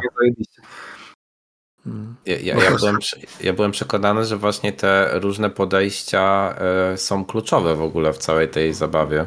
E, no my też tak byliśmy są, przekonani. Tylko, tylko, tutaj cały myk polega na tym, że masz po prostu dwie ścieżki i one no. są yy, musisz sztywne robić dosyć. dokładnie, tak, są sztywne. Musisz robić krok po kroku to, co gra chce. A nie to, a, co. No to zajebiście. Tak. Nie jest to sandbox, tylko ty, to polega na tym, że musisz tą ścieżkę odkryć, nie? Jak ona tak. wygląda. A jak się jej nauczysz, już potem ją jedziesz, nie? Tak. I właśnie myk polega na tym, że jak idziesz jedną ścieżką, i, i, i, i cała akcja weźmie w łeb, no to po prostu przechodzisz do, do innej ścieżki i, i tyle. Do no. siłowej, tak? A, ale to, to gdzie, gdzie w tej grze jest to całe replayability, które... które... No właśnie nie, nie wiem. Ja też to, nie wiem. Dla mnie to oszustwo jak gry Telltale z tym wyborem, nie? No, no bo kurczę, nie wiem, no w sensie, wie, wiecie o co chodzi, mi się wydawało, y, no bo tam to podejście do Paydaya 2, ok, było dziwne, bo tam w ogóle graliśmy jakiś event, cokolwiek, to mogło być po prostu nieudane podejście, mhm. ale mi się wydawało właśnie, że jakby ta gra tym stoi, dlatego ona się tak długo no, trzyma no, też się wydawało, jest tak popularna, nie? nie? No też się wydawało, no i tak sobie kombinowaliśmy i myśleliśmy, że coś tam sobie tworzymy, wiesz, ale no, potem wyszło mhm. na to, że ta ścieżka, jak chcesz coś zrobić po cichu, no to musisz krok po kroku dokładnie zrobić w określonej kolejności i określone rzeczy, nie? Wiadomo, czy możesz tam, nie wiem, złapać ochroniarza gdzie indziej czy coś, tak, no ale nie wiem, że musisz iść najpierw do pomieszczenia A, żeby zrobić czynność B, potem iść do pomieszczenia C, żeby zrobić czynność D i tak dalej, i tak dalej, nie? No to, okay. to jest po prostu zaprogramowane z góry, tak, że tylko w ten sposób możesz, możesz to zrobić cicho. Dokładnie. Nie możesz tego zrobić w innej kolejności, czy innych czynności zrobić, nie? Nie ma tego. Ja się później zainteresowałem i dzień później Właśnie się dowiedziałem na YouTubie, że są misje, których w ogóle się nie da jako stealth robić. A, czyli tylko, że musisz się napierdalać, tak? Mhm. Okay. No a to tam też są jakieś różne ścieżki napierdalania się, czy się po prostu nie, napierdalasz? No fale idą i tyle, nie? No, hmm. tam te różne ścieżki to się różnią twoim lutem de facto, nie? Aha, okej. Okay. No, więc... Dwie godziny całkiem nieźle się bawiliśmy, nie? Póki... No, no to była naprawdę I... super zabawa. Dopóki się nie... maska nie spadła. Tak, dopóki było, się... było trochę zabawnych rzeczy, tak tam typu zagadnienie tych zakładników gdzieś po kątach czy mhm. coś tam, kurwa. Tak, tak, Inne rzeczy. Tak. Mieliśmy cały składek zakładników. No. Po prostu jak się dowiedzieliśmy, jak się dowiedzieliśmy, że, że gra nas oszukała, to, to po prostu byliśmy tak wkurzeni, że... No, zdegustowani byliśmy. Zdegustowani, że, że, że, już po prostu nie chcieliśmy grać dalej. Ja nawet jestem zdegustowany z drugiej ręki, a co dopiero to przeżyć. No. O Mati Alex też to widziałem, że re relatywnie szybko idzie wbić calaka na ten moment. No, zajebiście. To już odkupuję Xboxa. Ja to możesz w sobie zrobić. Mhm. Dobrze. Przemyślę sprawę. Relatywnie szybko, to szybko jak na Paydaya, nie? Bo to, to mhm. nadal jest sporo roboty, ale no. Okej, okay, okej, okay, okej. Um, także ciężko tego Paydaya tak czysto, czysto polecić. Myślę, że nawet jak ktoś jest fanem marki, to może być troszkę zawiedziony, że... No może, może w dwójce było inaczej, tak? No nie wiem, ja nie, nie grałem, nie? Znaczy, wie, no, wiecie, bo, bo, bo dwójka to chyba jest jedna z takich gier, które no, mają po prostu niesamowicie napierdzielone kontentu, nie? W sensie mhm. takie jedna z mhm. gier, która ma chyba tak najwięcej DLC, no, tam z różnymi innymi brandami i tak dalej, no ale okej, okay, no to, to jest y, stan tej gry po, nie wiem, siedmiu, sześciu latach, coś takiego, mm -hmm. od dwójki wyszło, no to co, to, to po prostu wszyscy zostają z tą grą, grają te mapy, które już są w nieskończoność. Jakby ja, ja nie rozumiem naprawdę w takim razie tego fenomenu do końca. Też nie. Okej, okay. okej, okay. Okay. No dobra, e, czy fenomenem będzie Ravenswatch Fuji? Hmm. hmm. Kurczę, nie wiem, no. E, to jest obecnie w Early Accessie gra, co zacznę od tego. I to jest kolejny rogalik. Um, I to jest rogalik o tych samych ludzi, co robili Curse of the Dead Gods. Um, to było w Game Passie jakiś czas, nie wiem czy nadal jest. I mi się tam bardzo podobało, um, aż dotarłem do takiego poziomu, że zbyt, e, zbyt mi wkurzał poziom trudności w jednym miejscu i odpuściłem sobie. E, ale przez ten czas, co, co więcej grałem, to faktycznie dobrze się bawiłem. Natomiast tutaj troszkę inny pomysł jest na rozgrywkę. E, przede wszystkim na początku duża różnica, można w grać w koopie do czterech osób. Ale działa to teraz tak, że jesteśmy na początku rzucani na planszę, której setting jest stały, ale ułożenie tej mapy jest generowane losowo. I mamy określoną ilość czasu, żeby sobie po tej mapie chodzić i levelować naszą postać. E, przy levelowaniu oczywiście decydujemy tego, decydujemy jaki ona będzie miała build. I co? No i jak ten czas upłynie, no to jesteśmy siłą teleportowani do bossa, więc nie musimy go szukać. Możemy sobie ten czas. Yy, wydaje mi się, że, że możemy sobie go wydłużyć, ale na pewno możemy e, w międzyczasie osłabić tego bossa, do którego zostaniemy teleportowani. Yy, jak tego bossa ubijemy, trafiamy do nowego świata, no i lub się powtarza. Na ten moment są dwa światy, więc zbyt dużo gry jeszcze nie ma tak w samym kontencie, w samym jakby kontentowo, nie? E, ale podstawy są bardzo solidne, bo klas do wyboru jest już kilka, one faktycznie się mocno między sobą różnią. E, są to zasięgowe, e, są, są do walki w zwarciu. No naprawdę myślę, że jeśli o to chodzi, to każdy znajdzie coś dla siebie. Działa ta gra bardzo solidnie, wygląda przede wszystkim bardzo ładnie, zwłaszcza jeśli komuś się podoba stylistyka z Curse of the Dead Gods, bo to jest to samo, jeśli o wizualia chodzi ale czy to jest e, angażujące na tyle, żeby samemu w to siedzieć i klepać jak Hadesa po 40-50 godzin? E, no to aż tak to raczej nie. Przede wszystkim brakuje tej dynamiki, e, która... No użyłem tu Hadesa, bo to jest taki, myślę, domyślny przykład roguelike'a wykonanego idealnie. No i ten brak dynamiki, myślę, to jest największy problem tutaj. E, natomiast ja bym chciał tego koopa sprawdzić, ale tego koopa sprawdzić, jak będzie więcej kontentu już, żebyśmy sobie mogli e, we czterech, nawet może całość po prostu przejść, nie? Jakby w jakimś abonamencie to było. Hmm? No właśnie wiesz co, to, to co mnie najbardziej zaintrygowało z tego co mówiłeś to faktycznie ten koł, bo też tam trochę gadaliśmy na mi się Curse of the Dead Gods bardzo nie podobało, w sensie miałem wrażenie, że ono jest taką wynikową już popularności tego gatunku bez jakiegoś super ciekawego pomysłu na siebie i tam kompletnie mi to nie siadło. A, a faktycznie, no, jeżeli byśmy mogli to przechodzić razem, e, to, to może to by było coś interesującego. Nie, nie wiem, czy pamiętacie, e, ja właśnie grałem w takie coś w dzieciństwie, co się nazywało Gauntlet i to było takie z góry, z góry rzut. E, I tam właśnie się chyba też dało grać w cztery osoby. I to było takie fajne, fajne przeżycie, było tak naprawdę właśnie tylko takim, wiecie, no nie wiem, dzisiaj byłoby Twin Stick Shooterem, nie? Więc w sumie takie coś w jakichś bardziej zaawansowanych mechanikach może faktycznie być spoko. Ty właśnie powiedziałeś o grze z automatu z 85 roku? E, nie, wiesz co, ja w to grałem na komputerze z kuzynem, nie wiem czy to było grą automatową. Okej, okay. może nie być to w sumie.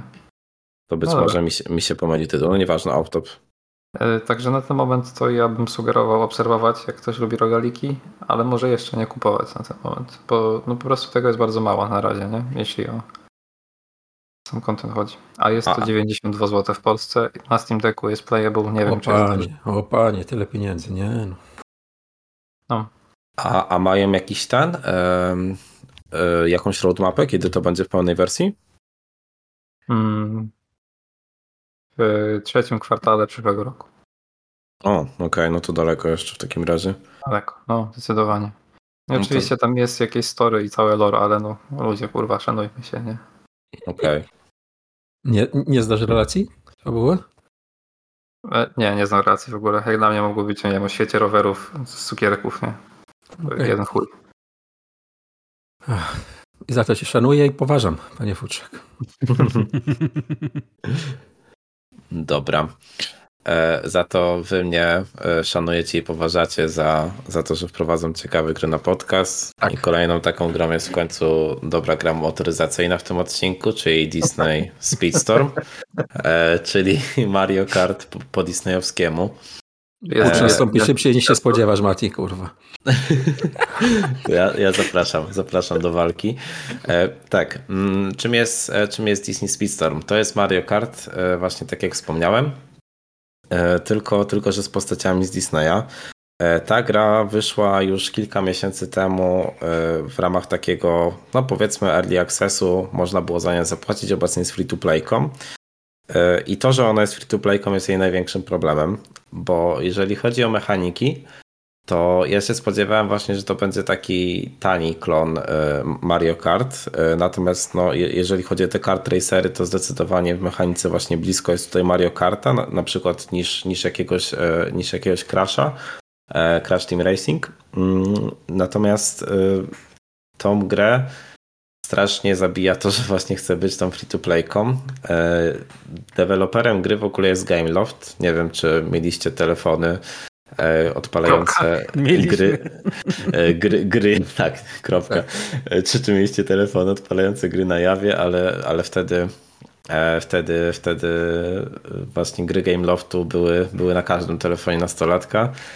Ja też te czasy pamiętam, ale no niestety ten związek z grami mobilnymi jest silny, ponieważ są tu bardzo agresywne taktyki na obrzucenie tej gry wszelkimi możliwymi walutami. Mm, I to jest coś, co trochę prowadzi tę grę do albo bardzo dużego grindu, e, albo właśnie płacenia, płacenia za walutę. E, no ale właśnie dlaczego grindu? E, bo ten system działa tak, że oczywiście gdzieś tam e, w darmowych wyścigach, e, czy to w singlu, czy to w multiplayerze, możemy odblokowywać jakąś zawartość. To są zarówno racerzy, jak i tam takie bonusy, w sensie postaci, z których sobie układamy skład, powiedzmy, wspierający naszego, naszego zawodnika, który daje jakieś określone bonusy na wyścigach.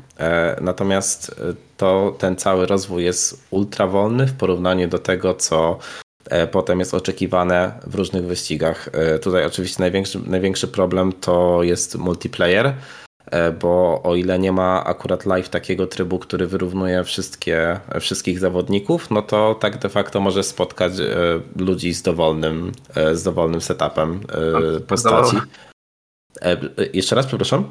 To super zabawa musi być. E, tak, tak. No właśnie super zabawa, bo te różnice są e, kosmicznie wielkie, bo e, to, to w ogóle działa w taki sposób, być może kojarzycie, mi się ten system kojarzy najbardziej z takimi mobilnymi fighterami. Tego tam zawsze było najwięcej, czy właśnie Marvelowe, czy to Mortal Kombat, że mamy jakąś postać, ale oprócz tego, że ona ma levele, to ona ma jeszcze swoje tiery.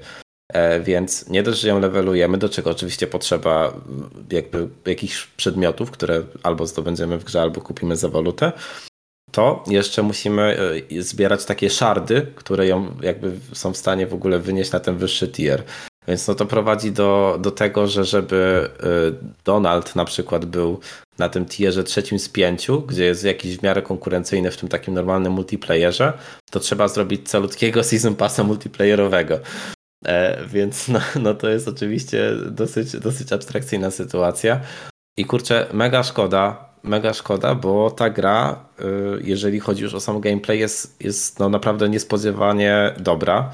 Y, jak oglądałem, pamiętam pierwsze gameplaye z tego, to się wydawało, że jest taka troszeczkę za wolna jak na Kart Racera, e, ale absolutnie tak nie jest i te mechaniki, które wprowadza, e, bardzo fajnie odświeżają w ogóle formułę Mario Kartową i myślę, że trochę rzucają też rękawice Nintendo, żeby coś bardziej zamieszać w samym Mario Karcie e, bo jest tutaj e, na przykład taka, taki feature, że każda z tych postaci ma jakiś swój charakterystyczny power-up, który możemy uruchamiać w ogóle na dwóch poziomach, czyli albo wciśnięciem, albo przytrzymaniem i to jakby spełnia wtedy różne funkcje. I to samo odnosi się właśnie też do innych power-upów i to serio bardzo, bardzo zmienia rozgrywkę. I też jakby daje większy sens power-upom, bo jak już jesteśmy gdzieś tam w tego Mario Karta dobrzy i jesteśmy cały czas na pierwszej pozycji, E, to tak naprawdę co tam podniesiemy, to już e, oprócz przyspieszenia nie daje nam e, zbyt dużo, zbyt dużo wartości, ewentualnie jakieś takie defensywne tematy. Natomiast no właśnie tutaj robi się taka duża dowolność i, i, i, takie bardziej strategiczne podejście do rozgrywki wskutek tego, że niektóre, niektóre, znaczy ten sam przedmiot może być wykorzystany na przykład właśnie ofensywnie i defensywnie jednocześnie. Więc, więc to jest super i bardzo bym chciał, żeby to się pojawiło właśnie w Mario Karcie w jakiejś, w jakiejś tam formie. E, zaadaptowanej do tej gry. E, no jest też piękna, w ogóle jestem w szoku, bo e, ta gra ma zapowiedzianą premierę w wersji mobilnej, czyli, czyli w ogóle w takiej, w której, w której się chyba powinna, powinna znaleźć z marszu. I to jest to, jest to serio fajny, fajny tytuł.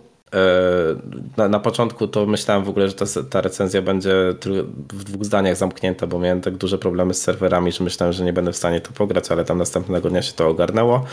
E, no i faktycznie, e, faktycznie no mechanicznie jest to bardzo, bardzo dobra gra, w sensie no niespodziewanie dobra, ale nie mam ochoty w to grać, nie? bo jakby czuję, czuję, że musiałbym temu poświęcić bardzo, bardzo dużo czasu, e, żeby gdzieś tam mieć, mieć konkurencyjną tą postać jakkolwiek w tym, w tym multi, więc tak to wygląda. Każdy screen gameplayowy, który jest rzucony z tego na Steamie wygląda jak był z telefonu. Okej, okay. nie, nie wiem. Nie, nie, nie, że tylko, tylko że ten interfejs jest taki strasznie ściśnięty. Tak, tak. Mhm. E, jak są na przykład elementy UI, które wskazują ci, z której strony przeciwnik nadjeżdża, to też takie wielkie bańki, jak z mopilki jakieś. Ale zaskakująco ostra grafika jest na każdym screenie.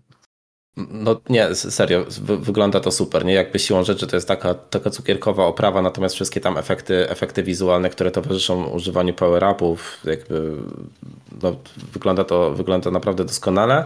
E, I są też bardzo ciekawie zaprojektowane trasy. W sumie o jednej chciałem wspomnieć, bo, bo, bo była taka zaskakująca. E, zaczyna się wszystko w kinie. Jest to, jest to um, trasa nawiązująca do tych najstarszych filmów Disneya czarno-białych, czyli tam z tym Steamboat Willim bodajże.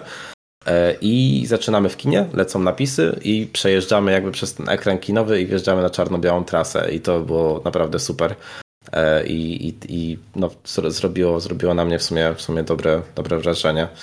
E, natomiast no, no gdzieś tam, gdzieś tam jest, jest niesmak. Być może, być może będą coś robić z tym, jak, jak właśnie jest blokowana progresja przez te, przez te wszystkie jakby jakieś przedmioty, konkretne waluty i tak dalej, ale no na ten moment to, to musiałbym żyć z tą grą codziennie, żeby mieć z niej taką radość, jaką bym chciał. A nie Pocahontas jest zakończenie rasizmu w Ameryce Północnej? tak. Tak, tak, tak. Okej. Okay. E, Dobrze, to myślę, że. No, Dobra puenta. Tak, to, to lepszej puenty już nie wymyślę. Ksen, no może chciałeś coś dodać. No, trochę mi teraz głupio dodawać. Okej, okay, dobra. Znaczy, dobra, zauważyłem na tych screenach na Steamie, że można grać Majkiem Wazowskim, także goty, nie? Ale. Tak. No właśnie, e, oczywiście sednem wszystkiego jest kolekcjonowanie, nie? czyli mamy podzielone, podzielone te, e, te wszystkie postaci i tam tych członków zespołów na marki i oczywiście w ramach tych marek jest po kilka postaci, natomiast e, nowa marka jest wprowadzana z każdym nowym sezonem i nowym Battle Passem, więc, więc, więc tak, to, tak to wygląda, więc no faktycznie zważywszy na to, jakie marki mają w rękach, to to mógł być bardzo dobry konkurent dla Mario Karta w końcu, e, ale no, no w tej formie dla mnie, dla mnie dużenia. Ale pewnie będzie zarabiał. Tak mi się wydaje przynajmniej. Zważywszy na to, ile jest takich e, hardkorowych Disney zjebów, więc. No taka kopalnia kontentu będzie dla nich automatyczna, nie? Bo jakikolwiek tak. film nie wypuszczał, to asety mhm. gotowe. No. Tak, tak, to tak. prawda. No, no to, to jest bez końca, nie? To jest właśnie, właśnie tak jak mówisz, przy, przy ich zasobach, no to jesteś w stanie tutaj wszystko zrobić. Może teraz głupotę pierdolne, ale czy auta nie są też Disneya obecnie? Bo to Pixara jest, nie? E, one były zawsze Disneya, tak. Mhm. E, nie, nie wiem. Nie wiem, czy auta będą siedzieć w autach i prowadzić karty. To, no, to byłoby nie? dziwne. E, jeżeli, jeżeli taki sezon się pojawi, ja słuchaj, będę specjalnie, specjalnie temat obserwował, to na pewno dam wam znać, bo w sumie to jest ja, faktycznie... Ja pobieram, jak zygzakiem można jechać. Dobrze. Pocahontas w, w zygzaku? O Jezu. Dobra, dobra, dobra, dobra, dobra. Po, polecam sprawdzić. W ogóle, jeżeli kogoś, jeżeli kogoś interesuje ten gatunek, jakkolwiek, takich właśnie arcade'owych wyścigów w kartach, to polecam, bo, bo mechanicznie warto zobaczyć, co sobie wymyślili. Natomiast no, z, z samej gry samej gry polecać nie mogę z uwagi na wspomniane, wspomniane aspekty. Czy jest e... koop kanapowy? Wiesz co? Nie. Chyba nie. No. Tak, kłamiesz, słodzieju, na Steamie mówię. A jak działa bez internetu? To jest też było że zapomniałem o tym przytworzyć. Nie, nie działa w ogóle. Nie, nie działa w ogóle. O, no to nie, to 1.10. E, właśnie, właśnie to, to, o czym wspomniałem tam w którymś momencie, że prawie bym nie zrecenzował tej gry jakkolwiek, to wynikało z tego, że jakakolwiek e, aktywność w tej grze synchronizuje wszystkie informacje z serwerem, E, dosłownie po wygraniu wyścigu i tak dalej, i tak dalej. No i niestety tam właśnie w ten pierwszy dzień jak grałem, to non-stop, non-stop to się zawieszało po prostu na nieskończonym ładowaniu, na, na nieskończonym synku z serwerami, więc, e, więc tak to wygląda. Jak A co, co, co, co, do tego kanapowego Fuji, to nie wiem, to w sumie mnie zaskoczyłeś, bo, bo nie sprawdzałem tego. No Steam mówi, że jest i jest screen nawet, są cztery na raz pokazane. Okej. Okay. E, no i wtedy to w sumie fajne może być, kurde no to, to wtedy warto mieć na konsoli, nie? No, no, tak po prostu no. do odpalania takiego bardziej e, imprezowo-spotkaniowego. Może, może na zjeździe pogramy kolejnym. Jak Zegzaka zrobią na bank. Okej, okay. E, dobra. E, następną grę, którą testowaliśmy w trójkę jest e, beta multiplayera MW3. Czyli de facto multiplayer MW2 z 2009 roku. tak, tak. Ja nie testowałem. Nie podpisuję się pod tym. Dobrze, nie podpisuję się, ale faktycznie to się zaczyna robić skomplikowane, co nie? Bo MW2 2022 nie jest już MW2 2023, ale powinno być. E, kurczę, no, mi się gra w to identycznie, tak jak w, no właśnie, teraz będę musiał mówić rokiem, kurwa. W kod z 2009 roku. Mhm. E, I, I to było cudowne uczucie, jak wchodzę na teoretycznie nową mapę, w sensie w nowej grze, ale znam tą całą mapę na pamięć od razu, nie? Mhm. Tak, właśnie, wie, wiecie co, ja miałem taki, taki feeling, e, nigdy, nigdy w sumie tego nie miałem, ale ludzie często o tym mówią, wiecie, o takich wspomnieniach w HD, to ja miałem no. dokładnie, dokładnie to tutaj, nie? Że, że tak właśnie zapamiętałem te mapy. E, chociaż mhm. wiem, że na pewno, na pewno te kolory były tam koszmarnie blade, to mi się tak zapisało w głowie z tym 2009 MW2. E, ja ale no, miałeś po prostu. Tak, no, Prawdopodobnie. Mo, mo, może, może to z tego wynikało, ale, ale faktycznie no, cudowne uczucie wrócić, wrócić na to. No, też, też wam kiedyś wspominałem, to, był, to było właśnie multikodowe, w którym spędziłem najwięcej, najwięcej czasu. E, no i no, miło było, miło. No. Podsumowane. Tak, e, to, to, to mo, może, tak, tak stare dziady usiadły się poklepać po plecach, ale nie, to może tylko powiedzmy, że e, mhm. jest, jest bodajże 5 map i to jest właśnie 5 map e, z, z tego MW2 w ogóle, w sensie nie ma ani jednej nowej mapy, tak do Grand War'a zapewne jest nowa, nie grałem w Grand War'a. Ja też nie grałem w Grand Ja też nie, bo kogo to obchodzi w tej grze. Właśnie, wiecie co? Ja się tak zastanawiałem, po co nadal jest ten tryb? W sensie, bo on powstał w tym momencie, jak Battlefield jeszcze był mocno konkurencyjny, co nie? Żeby mm. zrobić coś takiego w tę stronę. Tak. Ale czy ludzie w to grają jeszcze tym bardziej e, w kontekście tego, że Warzone zawsze wyjada tego głównego multiplayera w pewnym momencie?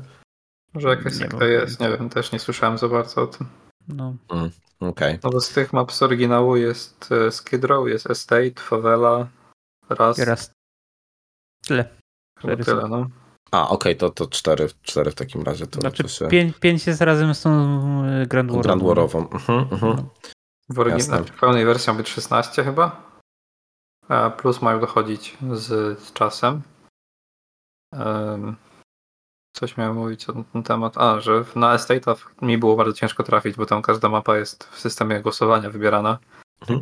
E, więc no, e, Estate nie był preferowaną zazwyczaj mapą, jak ja grałem. Ogólnie jak jest rast do wybrania, to zawsze jest rast. Więc... Jezus, tak, no właśnie, właśnie te kilka meczy, które zagrałem, to wszyscy rast, rast, raz mówię, Boże, daj, dajcie mi chociaż tego skidrowa zobaczyć.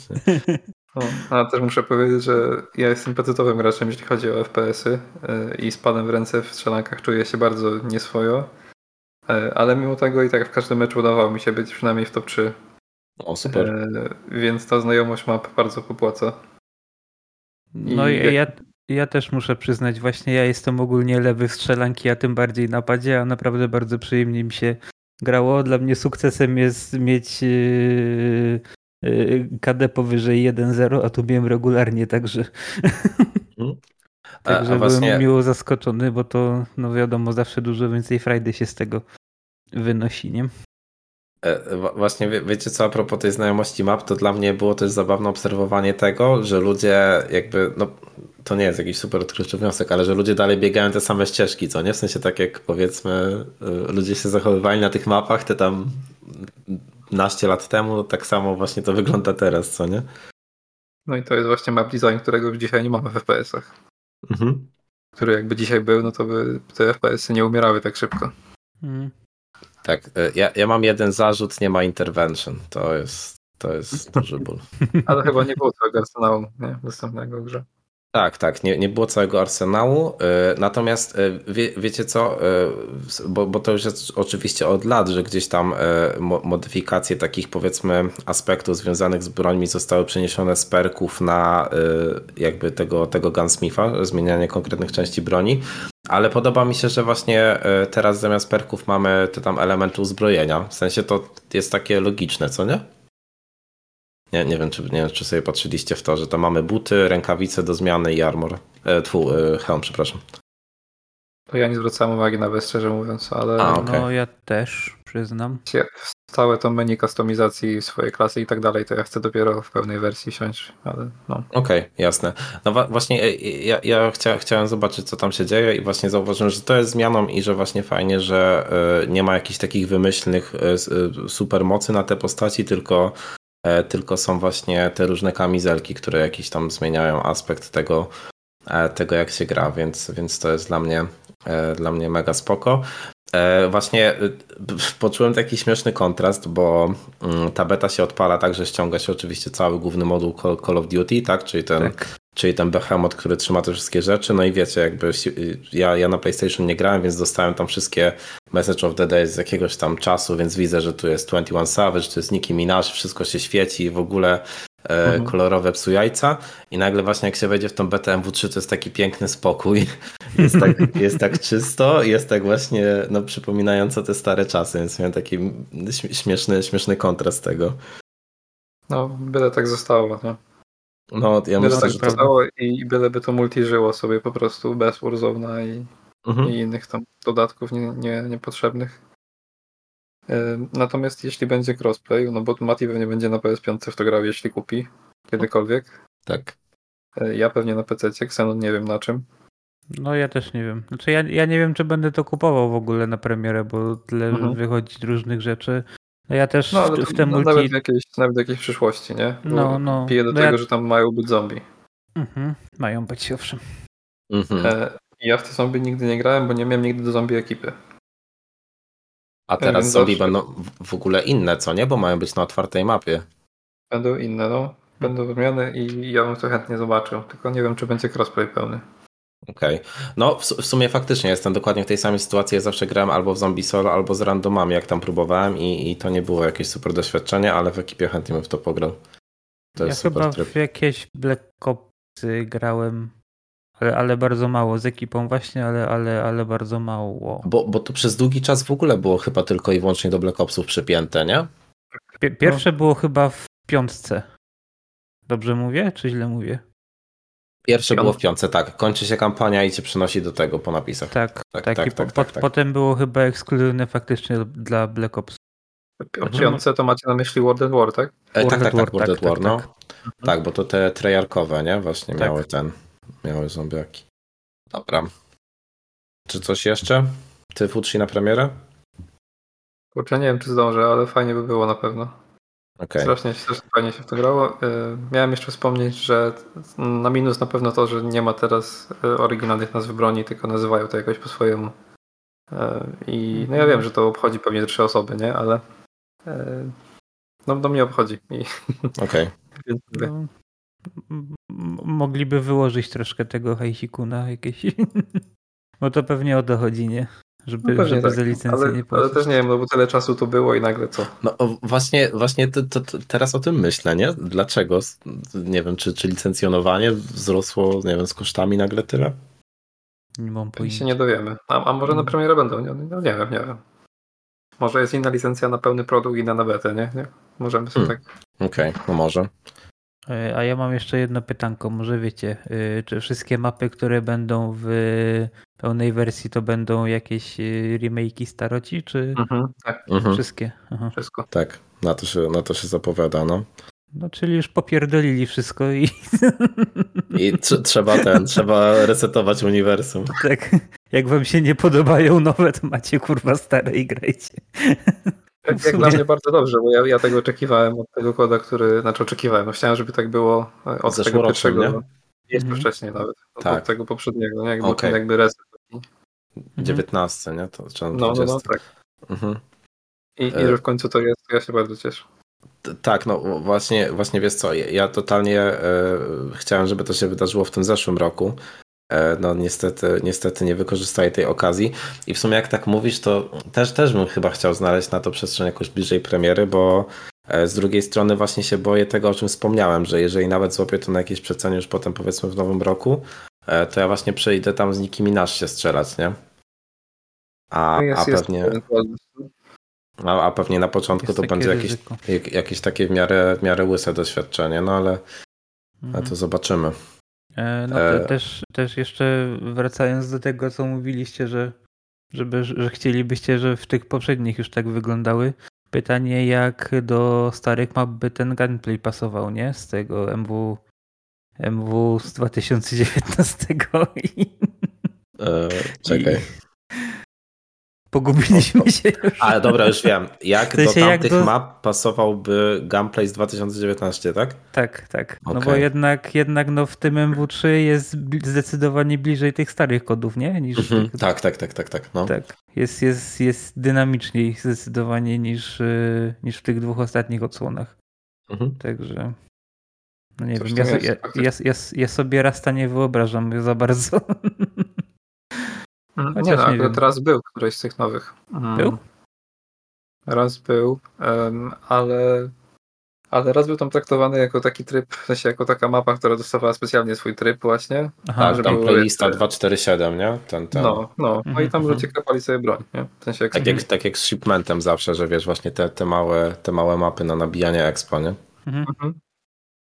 E, więc no, jakby no, nie można tam mówić o innych trybach nawet, nie? I, i faktycznym traktowaniu tego jakiejś takiej zwykłej mapy, tylko po prostu farmy, farmy expa. Mhm. No. E, I, no i co? W związku z tym jeszcze co Mati mówił na wstępie przed nagraniem właściwie, nie wiem czy to do persów trafi czy nie, e, no ale X-Defiant jest opóźniony. Mhm. Tak. No i w tym momencie to X-Defiant może nie wychodzić właściwie. No dopóki kurz nie opadnie po, po Call of Duty, to to nie mają czego szukać. To jest dokładnie ta sama baza klientów, nie? I tu, i tu. No. Mhm. Tak, no właśnie, właśnie też gadaliśmy o tym, że totalnie przestrzelili i stracili tam okazję na premierę, a, a ja myślę, że też wiele osób najzwyczajniej w świecie się nie spodziewało i nie spodziewa, jeżeli nie ograli bety, tego w jakiej skali to jest powrót, co nie? Do tego stylu. No, no, jak mhm. najbardziej. A, a, właśnie, a właśnie gdzieś tam te, też, e, też jak się daliśmy do X-Defiant, to zajawka głównie wynikała z tego, że to jest prawie, że ta gra. Prawie, że, prawie, że to MW2 2009, więc no myślę, myślę, że to teraz to już w ogóle będzie im ciężko. A mieli szansę, dużą szansę. Ubisoft się kończy i tyle. Tytuł mamy. Tak. E, kończą się też gry, zaczynają się za to filmy, e, a pierwszy, który sobie razem obejrzeliśmy, zwie się Theater Camp i obejrzeliśmy go wraz z Łuczym oraz Xenonem. Bo MSAT nie lubi komedii. Tak, to prawda. Sprawdzałem, czy śpi. Jest, jest poważnym człowiekiem, tak? Mhm. Nie, no e... ciężko jest trafić w mój typ poczucia humoru. Przeważnie bardziej mnie irytują niż, niż bawią, więc... To tu myślę, że na początku... Nie chcę początku, czasu.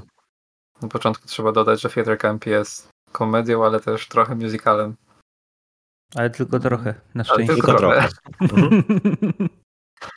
um, I Kurczę, no, ja bym chciał, żeby dużo więcej powstawało komedii w tym stylu. Mhm. W porównaniu z tymi oklepanymi, które dostajemy pewnie w dużej ilości co roku, które totalnie mnie omijają, bo też po plakacie widać co to będzie. Tutaj jest taki bardzo mocny powiew świeżości w tym gatunku. Tak, ja, ja się zgodzę. Mi się w ogóle y, podobało to, że właśnie to jest tak trochę stylizowane, stylizowane na dokument. E, i, I właśnie e, też strasznie mi się podobała tematyka, bo mnie osobiście też w ogóle ten wątek strasznie bawi, w sensie właśnie takich Theater Kids i tej całej zajawki. E, tutaj jest dużo bardzo e, śmiania się z tego, ale też pokazywania w sumie jakby jasnych stron powiedzmy takiej zajawki w, życiu młodego człowieka. Natomiast no, no całość, całość naprawdę jest, jest świeża i, i w sumie super, super też tutaj cast się sprawdza, co nie w swoich rolach. Mm, jak najbardziej. I tu jest też tak, że Cass jest częściowo reżyserką też, nie? Tak. I, mhm. I reżyserią, i scenarzystą, i to się wszystko miesza jakby w całość, więc to jest taki bardzo e, zżyty projekt, powiedzmy, całościowo. E, no i też widać, że tu nie ma dużego budżetu w to włożonego. To wszystko jest takie bardzo um, surowe, ale w takim znaczeniu ciepłym. Może mhm. tak. Mhm. Takie kameralne bardzo, nie? Tak. E, w ogóle z ciekawostek to gdzieś mi mignęło, jak czytałem o tym, że w 19 dni całość nakręcili. Naprawdę? No. O wow, okej. Okay. Że mi się nie zdziwię, jakby tam było sporo improwizacji, tak? Mm, no chyba tak, chyba tak, tak, tak. Mhm. No, no nie, możemy, nie możemy o fabule powiedzieć, bo to będzie spoiler od razu, nie w pierwszym mm, zdaniu. A... Zdecydowanie. Tak, to prawda. Trzeba zobaczyć to zakończenie zwłaszcza, które jest yy, kurczę, no jednym z lepszych zakończeń pewnie w komediach, jakie widziałem kiedykolwiek. E, I film jest w ogóle dość krótki, bo to jest półtorej godziny, e, mhm. więc to jest też ten taki, myślę, dobry, e, no, optymalny format dla komedii też. I, I, co jeszcze? No możemy chyba tego wychwalać. No. Tak, ja, ja, też jeszcze chciałem powiedzieć, że mi się bardzo podoba, że mimo tematyki to ten film nie wpada w taki ton takiej teen komedii, co nie? Że to jest takie właśnie tak bardzo mhm. płaskie, e, płaskie, jeżeli chodzi o poziom humoru, e, tylko faktycznie jest, jest po prostu no, obiektywnie, obiektywnie dobry też dla do, dorosłego widza. Mhm. No i tych gagów też nie ma, wiesz, wypchanego, nie wiadomo jak ten, ten, ten film nie jest jakimiś głupimi żartami, tylko, mhm. tylko faktycznie one się pojawiają dość sporadycznie, ale, ale no, no, no uśmiechnie się człowiek. Tak, bo, bo, bo faktycznie, e, mimo, że ten film jest komedią, to gdzieś tam e, potrafią być takie sytuacje między, między bohaterami, które jeżeli mają wybrzmieć w jakimś e, poważnym tonie, no to wybrzmiewają. Mhm. Tak w sensie nie jest wszystko kwitowane jakimś haha żartem. Tak. Tylko faktycznie to fajnie, fajnie sobie idzie w parze przez całość. Teraz, żeby zabić ten pozytywny nastrój, powiedzmy, że tego nie ma nigdzie w Polsce na streamingu dostępnego. Mhm. Tak, mimo tego, że ja sobie ubzdurałem, że jest, to, to nie ma. Aczkolwiek, jeżeli macie gdzieś wypatrywać, to prawdopodobnie na Disneyu, bo e, w Stanach jest na Hulu, więc. Tak jest. Dobra. E, mamy następną komedię. E, taki dzisiaj wesoły kącik filmowy. E, komedię o nazwie Boroms. I też oglądaliśmy w tym samym składzie. Amsterdam dalej się nie dał rozbawić nam. No. Nie. Zobaczyłem tylko, co to jest. I... Tak. Wtedy oglądać coś innego. E, tu też jest tak, że przy produkcji mocno od tej strony właśnie produkcyjnej brali udział też ci sami ludzie, co, e, co grali w tym filmie. Ale tutaj jedną z głównych ról ma postać, która w Theater Campie jest mocno trzecioplanowa, bym powiedział, mianowicie Ayo Dibiri. Niestety. Pewnie, którą pewnie znamy z, z Misia. I no tutaj zdecydowanie myślę pierwsze skrypce ma ta jej postać. Tak, to prawda. Mnie, mnie to bardzo ucieszyło e, i też właśnie tą e, drugą, drugą pierwszoplanową aktorkę przyjemnie było zobaczyć w dobrej roli, bo niestety ostatnie w czym ją widziałem to było The Idol, gdzie była natrętną przyjaciółką głównej, głównej bohaterki. To e, stąd Więc... mi się kojarzyło, tak? Tak, tak, to, okay, dokładnie, dokładnie stąd. ja tak Więc... właśnie coś myślę, kurczę, ja ją skądś znam, nie sprawdziłem skąd właśnie. Mhm. Tak, okay. no, no to, to, to stąd, stąd pewnie ci tatuaż zapadło w pamięć, mhm. ale właśnie całość, e, całość jest właśnie e, takim bardzo fajnym spinem na takiej klasycznej teen dramie. Ja bardzo ten gatunek lubię, a tutaj to idzie wszystko strasznie fajną, taką mocno samoświadomą i taką wykręconą w ogóle konwencyjnie tak, tak. E, stronę, nie? Bo, Całość bo tam... jest bardzo przerysowana. Tak, tam się dzieją rzeczy, no. których naprawdę się można długo nie spodziewać, że się, że się wydarzą, a, a, a jest to wszystko jakoś tam e, no, totalnie, totalnie spójne w ramach tej konwencji. Mhm. No, no, no nieraz pomyślałem, kurczę, co ja patrzę w ogóle, nie? Co tam, mhm. się, mhm. co tam się dzieje. No ale, ale tak jak mówisz, no pasuje to mimo, jed, mimo wszystko jednak do całości. Także. Tak, jak, jak film jest sam świadomy, w sensie, że sam toczy bekę sam z siebie w przypadku komedii, to, to, mhm. jest, to jest świetne. Tak. Tak, no ja tu w sumie, e, hmm, żeby, żeby za dużo nie, nie zdradzać z fabuły, to, to może zarys e, jakiś zrobimy, o czym to w ogóle jest. E, rzecz opowiada o dwójce przyjaciółek, które stwierdzają, że aby zdobyć zainteresowanie, e, zainteresowanie dziewczyn, to założą klub, e, który, który uczy, uczy walki, tak? W sumie tak de facto. Samoobrony. Tak, samoobrony. O, tak. Właśnie brakowało mi słowa, dzięki. E, tak, no i w sumie od tego wszystko, wszystko się, wszystko się e, nakręca. E, do tego klubu dołącza w ogóle taki bardzo, bardzo barwna ekipa też. To, to mi się też strasznie podobało, że to nie jest tak, że te właśnie nasze, nasze bohaterki są jakieś jedynymi właśnie super super napisanymi postaciami, tylko właśnie cała ta ekipa w sumie bardzo fajnie mi grała. Aha, no zapomnieli się mocno. Nie? I mhm. Gwarantowali, że nie było żadnego, żadnej nudy, żadnego zatrzymania, tylko taki dość, e, no nawet bardzo, bardzo spójny flow tego wszystkiego. Mhm. Nauczyciel król. Tak, tak, zdecydowanie. On nawet w napisach jest napisany tylko jako Mr. G. Tak, tak, tak, tak. Właśnie, właśnie te, ten film się też bardzo mocno bawi tą konwencją, co nie? W sensie, że tam dużo się dzieje takich rzeczy, które gdzieś e, może, może nie, że łamią czwartą ścianę, nie? Tylko właśnie są jakieś takie e, samoświadome nawet wobec tego, wobec tego gatunku, w ramach którego się poruszają.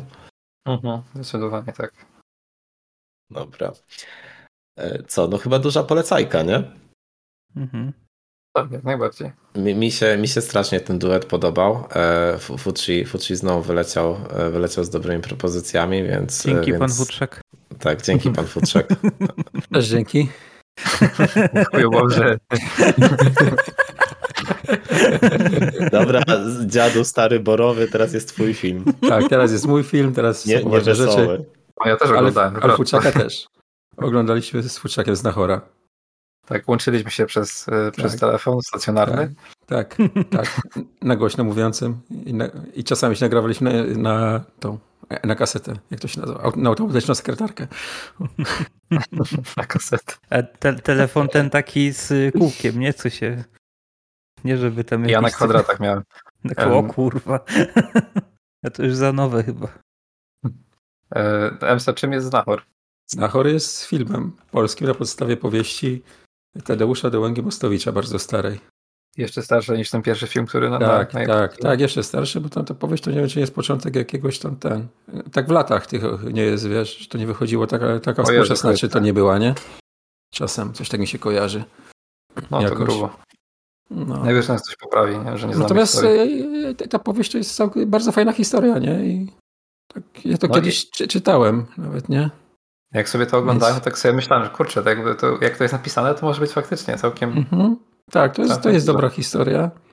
I nie wiem, sam film też jest dla mnie dobry, jest dobrze nakręcony, dobrze zagrany i, i mogę polecić. Tak pokrótce. Jest trochę, że tak powiem, odstępstw od oryginalnej fabuły i pewne rzeczy trochę inaczej wyglądają, trochę inaczej się dzieją, ale to, to w niczym nie burzy tego i nie wiem, no pewnie dla jakichś tam znachorowych ortodoksów to jest, wiesz, już koniec świata, nie? Tak, no, ci, to co, było. No, i dla fanów, znaczy no dla fanów, ale fanów wiadomo, co się robi z fanami, nie?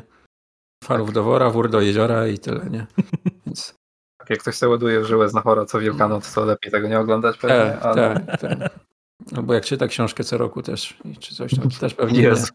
Tak nie można. No, ale jeśli ktoś nie jest ortodoksem, to jak najbardziej polecam to obejrzeć. Nie wiem, czy Futrzak się, się ze mną zgodzisz. E, ogólnie tak, ale mam też zastrzeżenia swoje, bo nie zdradzając zbyt dużo z fabuły, no to tam większość akcji dzieje się na wsi, ale zwłaszcza mm -hmm. na mhm. początku i troszeczkę na końcu są fragmenty, gdzie dzieje się akcja w mieście. Mm -hmm. ten plan zdjęć w mieście, e, no to widać, że to jest plan zdjęć, a to nie, nie że miasto. Nie? W sensie to jest mocno takie no grubymi nićmi no, szyte, wydaje mi się. No, kwestia pieniędzy pewnie też, nie? No, no, no jak najbardziej. Kto nie władował tyle co wielkowody, tak? Tak, to na że, pewno. Że zalali tak. miasto, nie? Ale to tak no. naprawdę no. jest chyba mój największy zarzut. E, może troszkę poza głównym aktorem, ale no może on miał taki być, nie? W sensie mhm. to jest straszny mruk. I, I, może, może on jest tak napisany w książce, no po prostu nie wiem. Tak, tak, tak. Okay. To, to tak jest, to tak wygląda, nie? Zresztą Natomiast w tym, jakbyś, jakbyś na żywo dostawał... też tak było. Jakbyś na żywo dostał od kogoś odpowiedź, nie wiem, e, na każde pytanie, to myślę, że dostałeś pierdol to bardzo szybko, nie? Mhm. E, I to momentami wychodziło trochę komediowo, a myślę, miało wyjść dramatycznie. No e, jakoś I... ja tak tego nie odebrałem, może dlatego, że ja to znałem już nie z tych no, poprzedniego no, no. filmu, więc no jakoś tak mnie to nie raziło. Ty masz to na świeżo, więc trochę inny jest ten odbiór. Tak, jak, jak wychodził oryginał tego filmu, to e, no, no, ten film był pełnoletni, nie? Jak ja się urodziłem. To prawie tak, prawie tak było, więc, więc tutaj to jest dla mnie pierwsza styczność z tym, z tym scenariuszem. Ale ogólnie jak na, jak na polskie kino to bardzo pozytywne zaskoczenie, myślę, całościowo. Tak. Czy ja mam jedno, jeden taką przemyślenie, że to nie, nie powinien być film, tylko to powinien być serial. Tak, z, z 8 odcinków, nie? Bo no, widać dużo jest... Bardziej, dużo widać bardziej wiarygodna to historia była. No. Widać jest to filmowe skróty jednak. Nie? Mimo, że to jest długi film, bo on trwa 2 godziny 20 minut. Mhm. Więc no, no nie jest krótki, tak, ale w dalszym ciągu widać, że ta historia jest, że tak powiem, pocięta bardzo, tak, żeby, żeby to zmieścić i tam jest przestrzeń na dużo większy rozwój postaci, historii i tak dalej w tym, nie? I to mnie jedynie, że tak powiem, jeszcze jak to oglądałem, to kilka razy myślałem, że, że, że kurwa tu powinni serial z tego zrobić, nie? Widziałem tak. te cięcia po prostu, które tam były, nie? Z tym się mogę zgodzić jak najbardziej. No, także to, no, a i, no. Chciałem cię pytać, czy w kole yy, no, pewnie się nawet nie, nie, nie, nie pojawia temat tej książki, nie?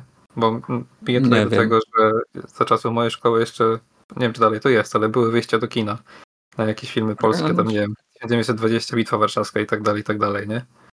I, i myślę, no. że to byłby jeden z takich filmów, e, jeśli by trafił do dystrybucji tak, kinowych. Że tak, no, to, to by było coś, na co by pewnie szkoły chodziły.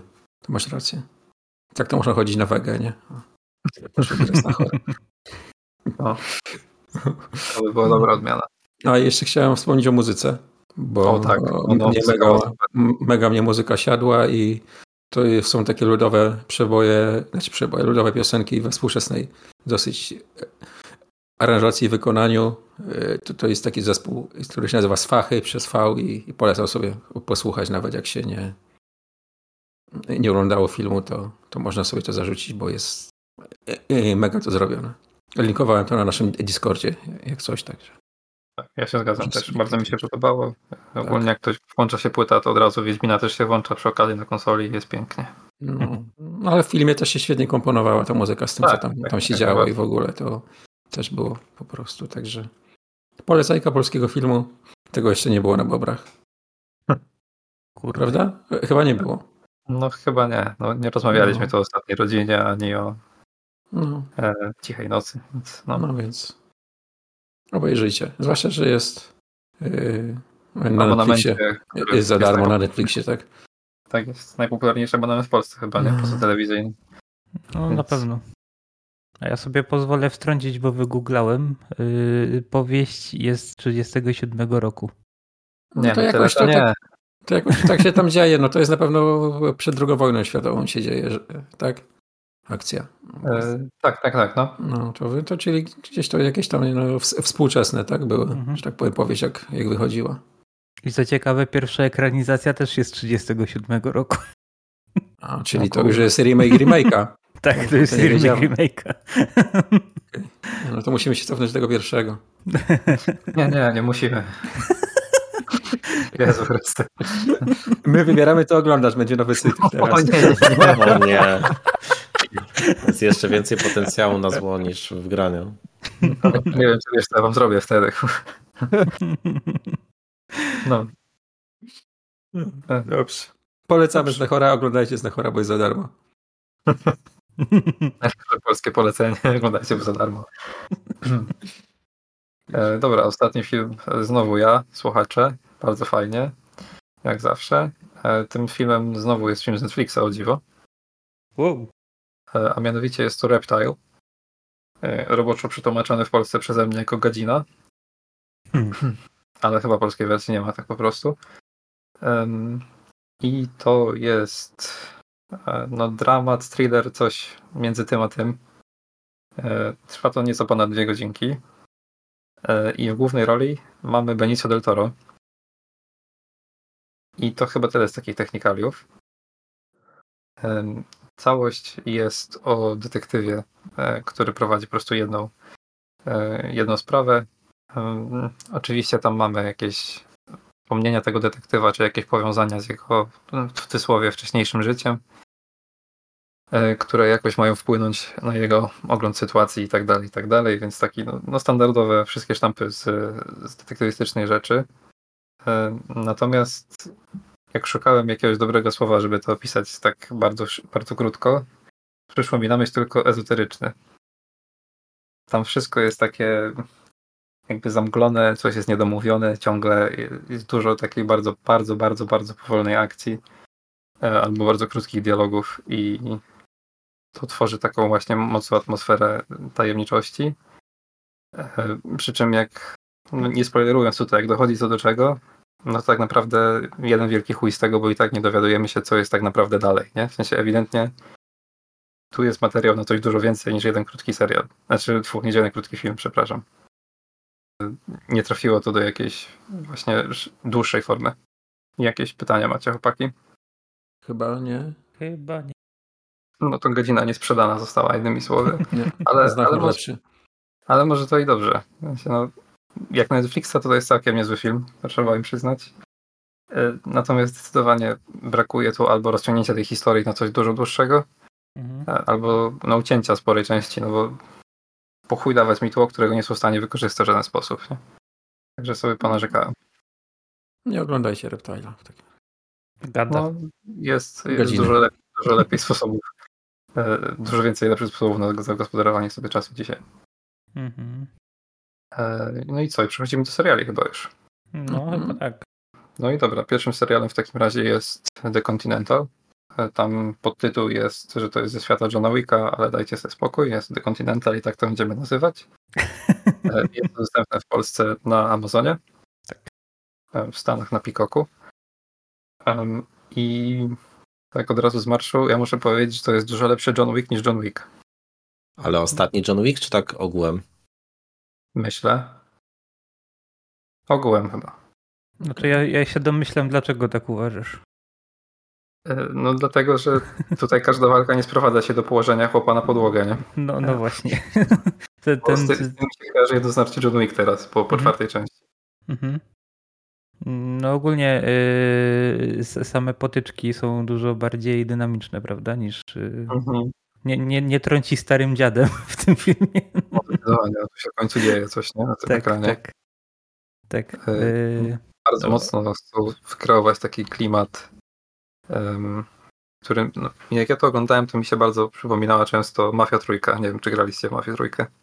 Trójka, czy ja grałem w trójkę? W dwójkę grałem, w trójkę chyba nie. Ja nie. Ale to, no tak, to, grałem, to, ale nie wiem, którą. To klimatem faktycznie bardzo pasuje, no. No, to, to, to jest myślę e, ta, ta sama epoka w Stanach. Mhm. I no tylko w Mafii Trójce mamy Nowy Orlean, tam lata 60., 70. mniej więcej, nie? Mhm. E, to, to jest to samo, tylko tutaj na, e, na wschodzie Stanów. Tak.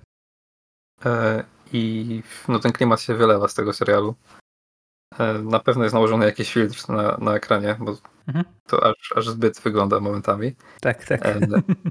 Jest też mnóstwo muzyki która wypełnia jakiekolwiek ciche momenty w serialu, a czasami nawet myślę, że jest momentami zbyt dużo, ale to jest na tyle dobra muzyka, że mi to nie przeszkadza. Nie? Tak, tam są dosłownie znany kawałek na znanym kawałku, wszystko z epoki i jest, jest naprawdę, kurczę, nie wiem ile tam hajsów w licencję poszło, ale no. mnóstwo. Zupełnie się hamowali, to jest pełna no, jazda, no, jeśli o to chodzi. Tak, tak, tak, tak, tak. W sumie nie wspomnieliśmy z takich technikaliów, bo całość jest podzielona na trzy odcinki tylko. Mhm. Ale te trzy odcinki trwają łącznie ponad 4 godziny. Tak, tak. No to jest mniej więcej półtorej godziny każdy. A mhm. to to jest miniserial? W sensie to jest zamknięte tak. już chyba? Tak, to tak, jest miniserial. No, fajnie. A, ale na dobrą sprawę, jakby chcieli, no to e, mogą robić kolejną część, nie? Mhm, spokojnie, tak, tak, bo to jest historia powiedzmy zamknięta w tym swoim takim małym, że tak powiem, ta część historii jest taka dość zamknięta i, i ładnie opowiedziana, ładnie, ładnie podsumowana, no ale, ale spokojnie można tam doklejać y, dalsze losy, nie? No i, i de facto dotyczy tylko jednej z postaci pobocznych, nie? Tak. Tak. W samym filmie potem. Także tak. jest, jest miejsce do, do manewru jak najbardziej. Dokładnie.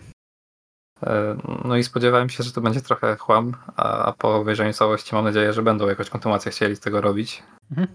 E, zwłaszcza jeśli mieli utrzymać e, to tempo i, i, i efektowność. Tak. No, ogólnie no, no, no flaków tam jest mnóstwo. Posoka się leje, y, to, to jest po prostu no, no, pod tym względem, jeśli chodzi właśnie o, o te, że tak powiem, choreografię i, i, i samo to, jak ładne są te zdjęcia, no to, no to to jest powiedzmy ten poziom Johna Wicka, tylko że całość jest dużo bardziej dynamiczna, nie? I trzeba pewnie dodać o fabule, że no ona jednak jest no lepsza od Johna Wicka, ale ciężko nie być lepszą fabułą od Johna Wicka, umówmy się. ale nadal jest mocno no, jest na trzecim planie ta fabuła, nie? Mhm, mhm. No, no, no nie po to się ogląda ten, chciałem powiedzieć, tak, film, tak. serial jest łopatologiczna, ale tym samym nie razi, więc mhm. myślę, że to jest najważniejsze w tym gatunku. Tak, tak, tak. I, i oglądajcie. To, to no. tyle. Dobrze. Dodam do listy. Obejrzę sobie teraz. Bo nie mam co za bardzo, więc. Na OLEDzie ładnie wygląda. No, to tyle. Ja mam AMOLEDa, więc na AMOLEDzie jeszcze, jeszcze lepiej będzie wyglądać. Ojej. Wyobraziłem sobie na, na telefonie to w pociągu w świetle dnia. Jak tam wiesz, jak, jak telewizor się wygasza co, co 3 minuty, bo tam jest tak ciemno, nic się nie dzieje momentami. Już, już teraz ciemno jest, jak się jeździ futrzak, więc wiesz. A to zależy, no to jak, jak dostajesz i idziesz no. spać. Nie? Ale no. No dobrze, to w sumie jestem ciekawy wrażeń po, po seansie no. Ty, Mati, podchodzisz, nie podchodzisz? Ja Johna Wicka, czy nie? Ja, ja mam w ogóle zaległości jeszcze Johna Wickiem, e, więc, więc chyba raczej... Ja nie też musisz ich nadrabiać do tego. Ja, ja też, Mati. I zasnąłem okay. ostatnio na, na którymś i stwierdziłem, że nie będę ich nadrabiał. Okej, okay, dobrze. Y, ogólnie ten serial zakłada, że wiesz o co chodzi w tym świecie mniej więcej, ale, ale no powiedzmy dokładnych wydarzeń nie musisz znać, nie? To żebyś wiedział okay. o co chodzi, to wystarczy czy, czy jeden obejrzeć, nie? No, mhm. dokładnie, dokładnie. Hmm. Tak myślę, czy nawet nie będzie lepsza zabawa, jak ktoś nie wie o co chodzi. Mm, może. Może być problem wtedy z uwierzeniem w cały ten świat, nie? Ale, ale może, no nie wiem. E, na pewno nie wymaga to znajomości całości, nie? To tak, zdecydowanie. Tak. Rzadki sukces e, Amazona, jeśli chodzi o takie rzeczy, myślę. Znaczy Amazona, Amazona w Polsce, nie? Bo tam to Pico, kto w Stanach robił. Ale o rzeczy mam, mam na myśli takie, które są powiązane z jakąś dużą marką, a są w stanie stanąć same zupełnie, nie? niezależnie od tego. Mhm. No i podsumowane. Tak. E, kolejny serial to jest Netflixowe znowu, w ogóle co za dzień. Netflix wszędzie. E, Sex Education. Jako, że wróciło z czwartym, ostatnim sezonem. Mm, I ten serial myślę pasowałoby tak omawiać, e, znaczy omawiać, traktować w ogóle go jako osobne, jego osobne sezony jako osobne rzeczy. E, bo pierwszy sezon był dużą rzeczą dla Netflixa, bardzo dużą. E, I myślę, nakręcił bardzo sporo ruchu na platformie tak całościowo. I jestem w sumie ciekaw, czy od pierwszego sezonu już Mati negatywnie do tego podchodził, bo jak powiedziałem na, na Discordzie, że będę o tym mówił, e, to Mati zareagował bardzo negatywnie. I... Nie, wiesz co, jakoś, jakoś super negatywnie nie. Mi się nawet podobały te pierwsze sezony, ale właśnie słyszałem, że ten no, trochę położył tematy. Okej. Okay. E, no to tak, start, pierwszy sezon to naprawdę było coś e, wartego oglądania, zwłaszcza jak ktoś był e, w wieku podobnym do tych bohaterów. Drugi sezon również myślę utrzymywał w miarę poziom, może momentami było troszkę gorzej. W trzecim scenarzystom już trochę odpierdoliło momentami i poszli w świat, który zupełnie bagatelizował myślę problemy, o których oni chcieli opowiadać. Natomiast w czwartym mamy, myślę, otwarcie się na jeszcze większą ilość problemów, które dotykają młodzież. Nie tylko sferę seksualną, ale po prostu szerzej. E, I mamy do tego podejście takie bez robienia sobie z tego jaj. I dla mnie to było miłe zaskoczenie, bo obawiałem się, że może być takie w trójce. Trójkę dokończyłem trochę tak już w cudzysłowie z przymusu, powiedzmy, po prostu chciałem wiedzieć, jak to się kończy. A czwórka, jak zacząłem oglądać z negatywnym podejściem, tak skończyłem e, z nadzieją, że. E, czy z nadzieją, e, może z niedosytem, może tak, nie? I kurczę, to jest naprawdę solidnie zrobiona rzecz, która mówi o rzeczach, które są bardzo ważne dla, no, dla każdego, ale słuchanie o nich w wieku, w jakim jakie są ci bohaterowie, myślę, może dużo pozmieniać w niektórych, w niektórych młodych głowach. I bardzo dobrze, że takie rzeczy powstają, myślę. Okej, okay, no to, to, brzmi, to brzmi lepiej niż to, co słyszałem. Ale może być tak, że absolutnie gadam głupoty, bo jak patrzę na oceny tego w niektórych serwisach, to niekoniecznie wszystkie zgadzają się z tym, co ja właśnie powiedziałem. Mhm, okej. Okay. No myślę, że dużo zależy od tego, jaką kto ma wrażliwość na te tematy e, i, i na ile ma otwartą głowę, jeśli został wychowany w, no, w Polsce 10, 20, 30 lat temu, nie? Mhm. To naprawdę będzie definiowało odbiór całości. A wy chłopacy oglądaliście który, e, wcześniejsze sezony w ogóle? Nie, nie, nie. Ja, ja nie, nie, miałem z tym do czynienia. Też nie. Okay. No to co, chyba idziemy do Asoki, co? Ale super. O. Jej, w końcu dobry serial. Odcinka. No, mówiliśmy po pierwszych dwóch odcinkach, tak? O tym i... Mhm. Pierwszy tak. był entuzjastyczny, ja byłem trochę bardziej sceptyczny. No i wyszło na twoje, spierdalaj. tak, no w sumie, e, bo, bo tutaj e, zakładamy, że tak powiem, wiedzę, wiedzę Discordową, aczkolwiek oglądaliśmy w sumie wszyscy. E, Ksano chyba po prostu nie oglądałeś dalej, nie? E, tak, tak. Znaczy ja najpierw zapomniałem w ogóle, że to istnieje, e, mhm. a Piękny potem... Świat. Potem, a, a potem jak mi właśnie ten zobaczyłem w rozpisce chłopaki przypomnieli, to już po prostu nie znalazłem czasu, żeby, żeby całość obejrzeć do końca. Także... Okay. Dobra, no to ja, ja tylko dodam, że ja w pewnym momencie się pożegnałem po prostu z tym serialem i uznałem, że go nie będę oglądał, bo na tyle mi się przestał podobać. Więc, więc nie jestem w stanie się wypowiedzieć w całości. Ale czy, no. czy w ogóle powinieneś o całości wypowiadać? No, może się wypowiadać. To, co widziałeś, to tam nic się potem nie robi lepiej ani gorzej. Więc Dobra. Dla, mnie, dla mnie jedno słowo, które podsumowuje ten serial, to jest nonsens. Po prostu. Kurwa nonsens, jeden wielki nonsens. Zero logiki w postępowaniu tych postaci w związkach przyczynowo-skutkowych tam nic kurwa nie ma po prostu. No, scenariuszowo jest totalnie lacha wyłożona i tyle, nie? To no. nie ma co tutaj za bardzo zbierać w ogóle z tego. Także no, ta historia się rozłazi, no bo gdzieś w tych pierwszych dwóch odcinkach to jakoś tam było, to już w trzecim po prostu. Ja już po trzecim zrobiłem ranta na Discordzie, na wyłączku spoilerowym, nie? Więc. Mhm. No. Tak, ja, no, ja, ja miałem wtedy jeszcze nadzieję, że coś będą mi pokazywać i tłumaczyć z tego świata. No, no nie, nie będą. Nigdy tego nie zrobię. Mm, ja właśnie, ja tylko w sumie powiem dlaczego zrezygnowałem, bo właśnie jak mieliśmy te pierwsze rozmowy, no to tak e, też, też trochę kontrowaliśmy MSATA, że no to, to też nie jest przestrzeń trochę, żeby się doszukiwać tej logiki, nie? No bo Star Wars, więc tam wiadomo, Aha. że można coś wyjaśnić. Ale no totalnie gdzieś tam się, się muszę, się muszę z, z MSATem przeprosić w tej kwestii, bo e, no to właśnie to mi zaczęło bardzo przeszkadzać, nie? Że to jest wszystko takie absurdalne po prostu, że no to jest tak. a, absurd go nie absurd w tym tak, serialu. Tak, rzeczy się pojawiają jak stryknięciem palca, nie? I, tak, tak. Bo tak, nie? I nikt ci mhm. tego nie tłumaczy. W dodatku, tak jak Fuczak mam nadzieję, że mu wytłumaczą, kto to jest Ezra, no to to nie, kurwa. Nikt się tego nie wytłumaczył, tak? To jest generalnie kontynuacja tej, kurwa, kreskówki Filoniego i albo oglądałeś, albo pierdol się, tak? Mm. Jak on w tak. ogóle przekonał ten zarząd, nie? Że zrobi serial, który będą rozumieć tylko ludzie, co oglądali bajkę wcześniej. Tak. Znaczy no. to w ogóle powinna być dalej e, e, kreskówka i wtedy nikt by się tego nie czepiał, nikt by nie miał do tego żalu. Bo, mhm. no, no. Bo, bo, to jest taki format, to jest po prostu kreskówka live action, nie? Tak, to wszystko się dzieje.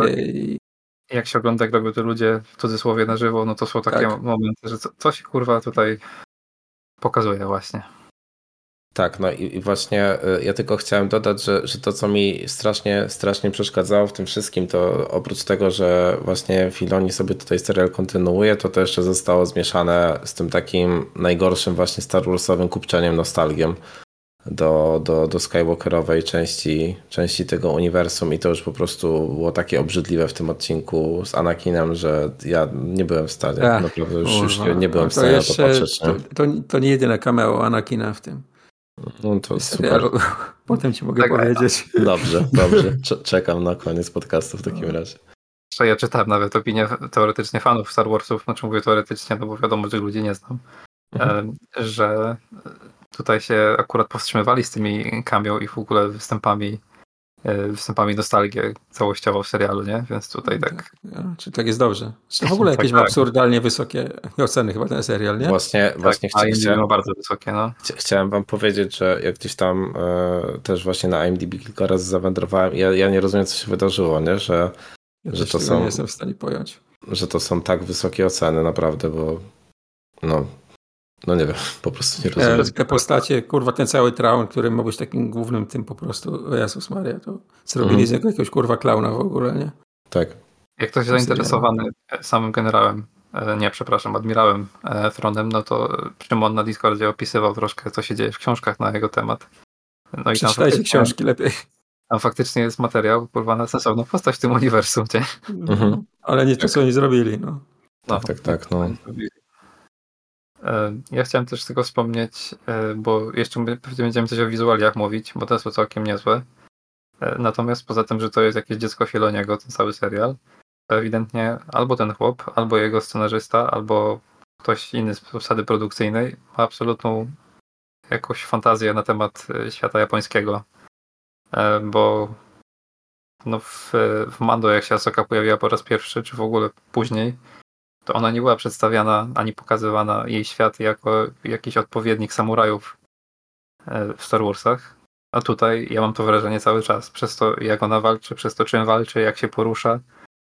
E, no i potem, jak już docierają gdzieś tam, nie będę spoilerował tutaj, e, no to sporo postaci ma pancerz wykonany tą japońską sztuką. Ja to sprawdzałem wcześniej, mam zapisane. Kintsugi, tak? Czyli naprawianie zepsutych części e, jakiegoś sprzętu złotem. Mhm. E, I tak samo maski niektórych tych postaci, nie? E, I, I, nie wiem, jak, jak on sobie w ogóle łączy cały ten świat w głowie z, ze Star Warsami, bo mi się to wydawało strasznie grubymi, grubymi nićmi szyte. No, może coś w kreskówkach na ten temat. Mówię, że mam obejrzeć 200 odcinków, będę wiedział. tak. No, co się wypowiadasz? Nie znasz się, to zamknij mordę. O. Szkoda mi tylko Davida Tenanta, że jak już szedł do Star Warsów, to akurat w taką rolę.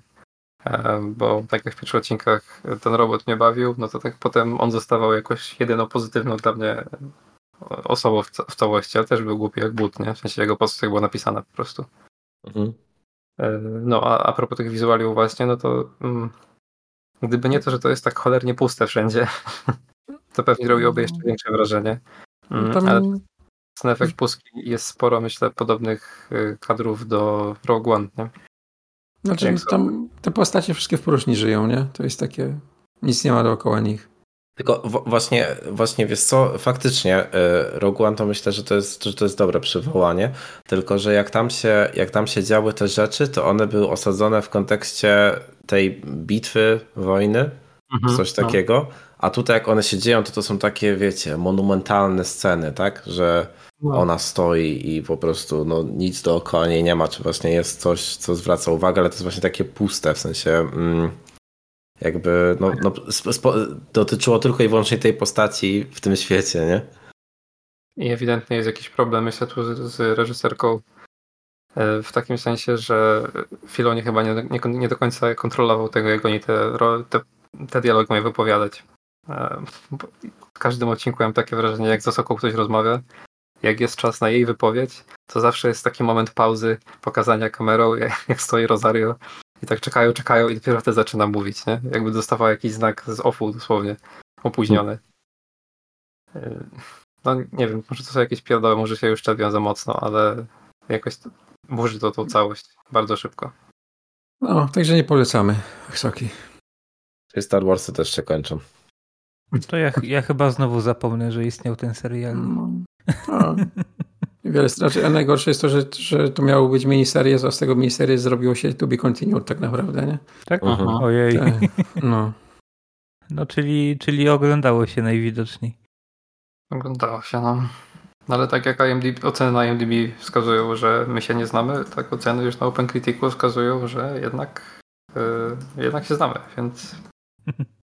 OpenCriticu. Na, na Metacriticu, przepraszam. A to, to jest w sumie bardzo ciekawe, co nie?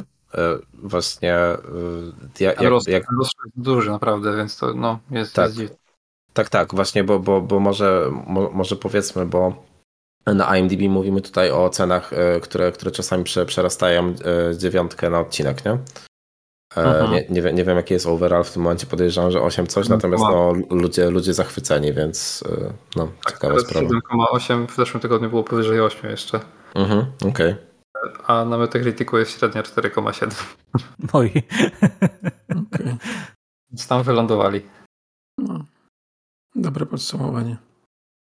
Jeżeli ktoś e, pana kowboja zdjęcie ma przy łóżku i codziennie je gładzi przed spaniem, to super, a wszystkim innym to chyba nie, nie? Są lepsze kowboje. Mhm. No kurwa. Raczej. No co, przechodzimy do książek? Tak. Bo ja znowu czytałem. Poważny, poważny pan czytał książkę. Tak, czytałem książkę. A czemu to? Bo tą poprzednią przeczytałem już jego, więc czytałem kolejną. Nie przekonał, nie wiem jak. Czytałem. Ma argumenty chyba niutki. Książkę o tytule Wyniosłe wieże, Al-Kaida i atak na Amerykę pana Lawrence'a Wrighta, tego samego, który napisał książkę o scjentologach, którą chyba ze trzy odcinki temu, o której mówiłem, czy dwa. Już nie pamiętam no, sięgnąłem po nią z dużymi, że tak powiem, oczekiwaniami, bo, bo ta oscyjna bardzo mi się podobała i muszę powiedzieć, że zostały moje oczekiwania wynagrodzone, bo to też jest dobra dziennikarska robota.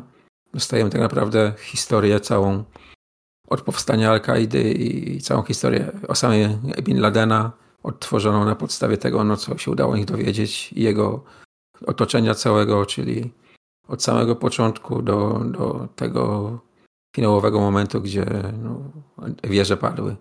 Tak. opisane, jak do tego doszło, mamy opisane też to, co się działo w Ameryce i te sylwetki tych ludzi, którzy e, walczyli z terroryzmem i strzegli Stanów przed takimi atakami i dlaczego do nich doszło. Więc no, jeśli kogoś ta historia ciekawi bardziej niż ponad to, co się dzieje w, e, i, i to, co się mówi pobieżnie gdzieś tam w mediach, to jak najbardziej można po to sięgnąć i przeczytać, bo dostajemy taką pełną historię. No, też no nie wiem, czy to jest wszystko, tak, no ale mi się wydawało to, że no, nic więcej nie potrzebuję o tym się dowiedzieć. Tak sobie myślę, czy jest szansa, że pan Wright napisze coś na temat obecnego konfliktu. Nie wiem. Czy, w podobnym rejonie, powiedzmy. No, nie wiem, nie wiem. To tam jest trochę trudniej, nie? mhm. pisać o, o tamtych. I chyba mało kto się za to bierze też, bo ten konflikt izraelsko-palestyński to jest, wiesz, takie... No dużo dłuższa by ta książka była na pewno. No. Ale to, mniej to, to a polecam. Wyniosłe wieże są relatywnie też nowe, nie? W Polsce, w sensie to jest z zeszłego roku. No chyba tak, tak, tak. Ale to też jest taki, jeśli chce się wiedzieć skąd się bierze w ogóle ten terroryzm i ekstremizm muzułmański, tak, także to też można po to sięgnąć, no bo to, że akurat to jest historia tego i tych dwóch wież, no to to jest myślę też dosyć uniwersalna, tak, tam też są opisane te inne zamachy, które były wcześniej i tak dalej, nie, no te dwie wieże to taka kulminacja jest, tak, ale to się nie skończyło przecież, nie. Tytuł clickbaitowy można powiedzieć. Słucham? Tytuł clickbaitowy można powiedzieć. Tak, tak, więc więc ja polecam i no, no, no, więcej nie ma co mówić, no bo no, historia jest dosyć znana tak mniej więcej, tak, więc ale jeśli chce się wiedzieć więcej, to to jest, to jest coś, po co trzeba sięgnąć. Dobra. Dziękuję. E, ja o. mogę jeszcze dodać, że jak ktoś jest w tym temacie już będzie siedział, to może przy okazji The Looming Tower obejrzeć. To jest miniserial e, poświęcony podobnej tematyce, więc Okej, okay. E, to w takim razie wszystkim, wszystkim miłośnikom teorii spiskowych polecamy. Na pewno, no nie, na pewno znajdziecie potwierdzenie. Nie ma spiskowego akurat za dużo. nie no, wiem. E, wiem, wiem. E, a my dotarliśmy do końca podcastu Spocone Bobry, odcinek 15. Się zgadza. Tak. Się zgadza wszystko. Króciutki. No króciutki wyszedł w sumie, tematów było sporo. Jak ktoś czeka na Cyberpunka tutaj, to, to sobie jeszcze poczeka. Tak, to, to sobie jeszcze poczeka. Wydarzył się październik i, i, i masa innych rzeczy, więc, więc może być nam ciężko dotrzeć. E, natomiast na pewno, na pewno, do, na pewno się, się nad tematem pochylimy, bo, bo obecnie Cyberpunka przechodzimy, także, także w drodze. Bez mstata, bez drogi. Tak. E, no to co? Dzięki bardzo za nagranie i trzymajcie się. Trzymajcie się. Pa. Pa. Pa, pa. Hello.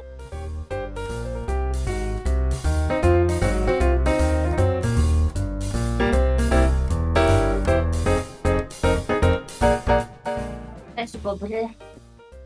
Elo, Ryju. Elo. Elo, Ryju, elo. Dostałeś. Dzień dobry. Dzień dobry. No, to już jest kulturalnie. No kurwa, proste.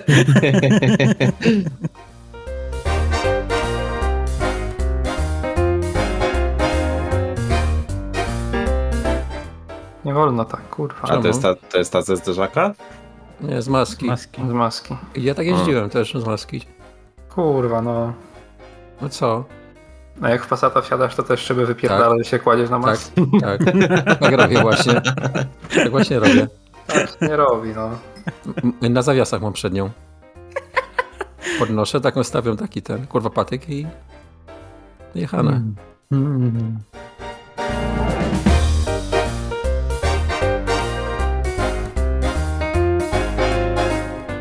O Boże, pierwszy trailer do live action Pokémon Series. Nie. Dobra, nagrywamy, bo to się źle dzieje już. O nie. Live action, czekaj. No nie. Widzisz? Znaczy w, sensie, że co, że serial, tak? No serial. Y, pani trzyma Gameboya na, na tym, na zdjęciu. A to na tym live action Pokémonów polega, tak? że grają na Gameboya.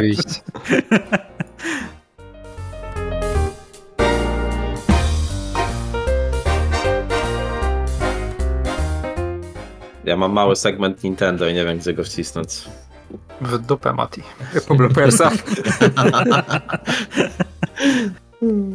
Z ostrzeżeniem takim alarm się włącza i... Jak ja się będę już na drugi bok przekręcał, to... Dobrze. Content warning.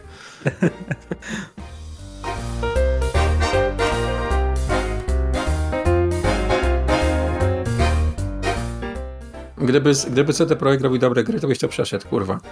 Ale mi, mi, się, mi się to podoba, nie? Chuja że... ci się podoba, jakby się podobało, to byś to przeszedł. Wmawiasz sobie, że ci się podoba, czujesz, czujesz presję społeczną, że macie się podobać, kurwa. Nie daj się. No nie, no naprawdę mi się podoba, no.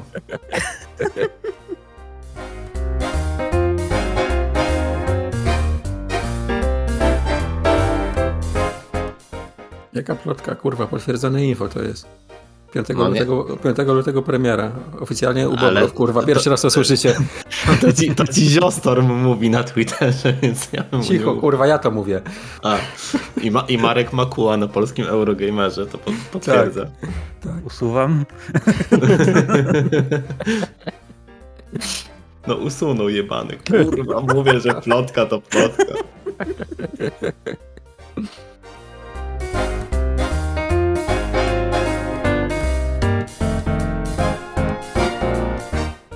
Jezu, nie z OPGA nie mówiliśmy o tej.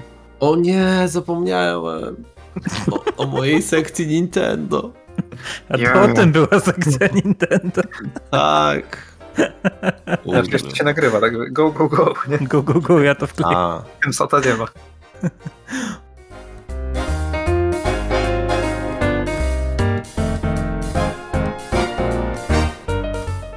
Hej, tu klejący Xenon. Y, w ostatnim bloopersie są spoilery za soki, ale ten fragment jest tak komiczny, że musiałem go tu wkleić.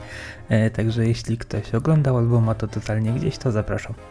Mati, mieliśmy ci powiedzieć ten cameo jeszcze z Ahsoki. Tak, tak, tak, tak, tak, tak, no To się no. skończyło tak, y, że oni się zamienili miejscami. Ezra spierdolił stamtąd, a Ahsoka z tą alternatywką tam zostały, nie? No. Tym, tym, z, tymi, z tymi żółwiami, kurwa, nie? No. Siedzą, no. I stały na końcu na takim wzgórzu, patrzyły się w gwiazdy i już miał odejść i ta alternatywka mówi, że poczekaj, poczekaj i że chyba coś tam widzę. Potem nie, to światło gwiazd, nie? I on się odwróciła, tam pokazują i taki ten Anakin taki, wiesz, kurwa, wielki w tym świetle gwiazd się na nie patrzy. Nie, ja, kurwa, kiwa głową.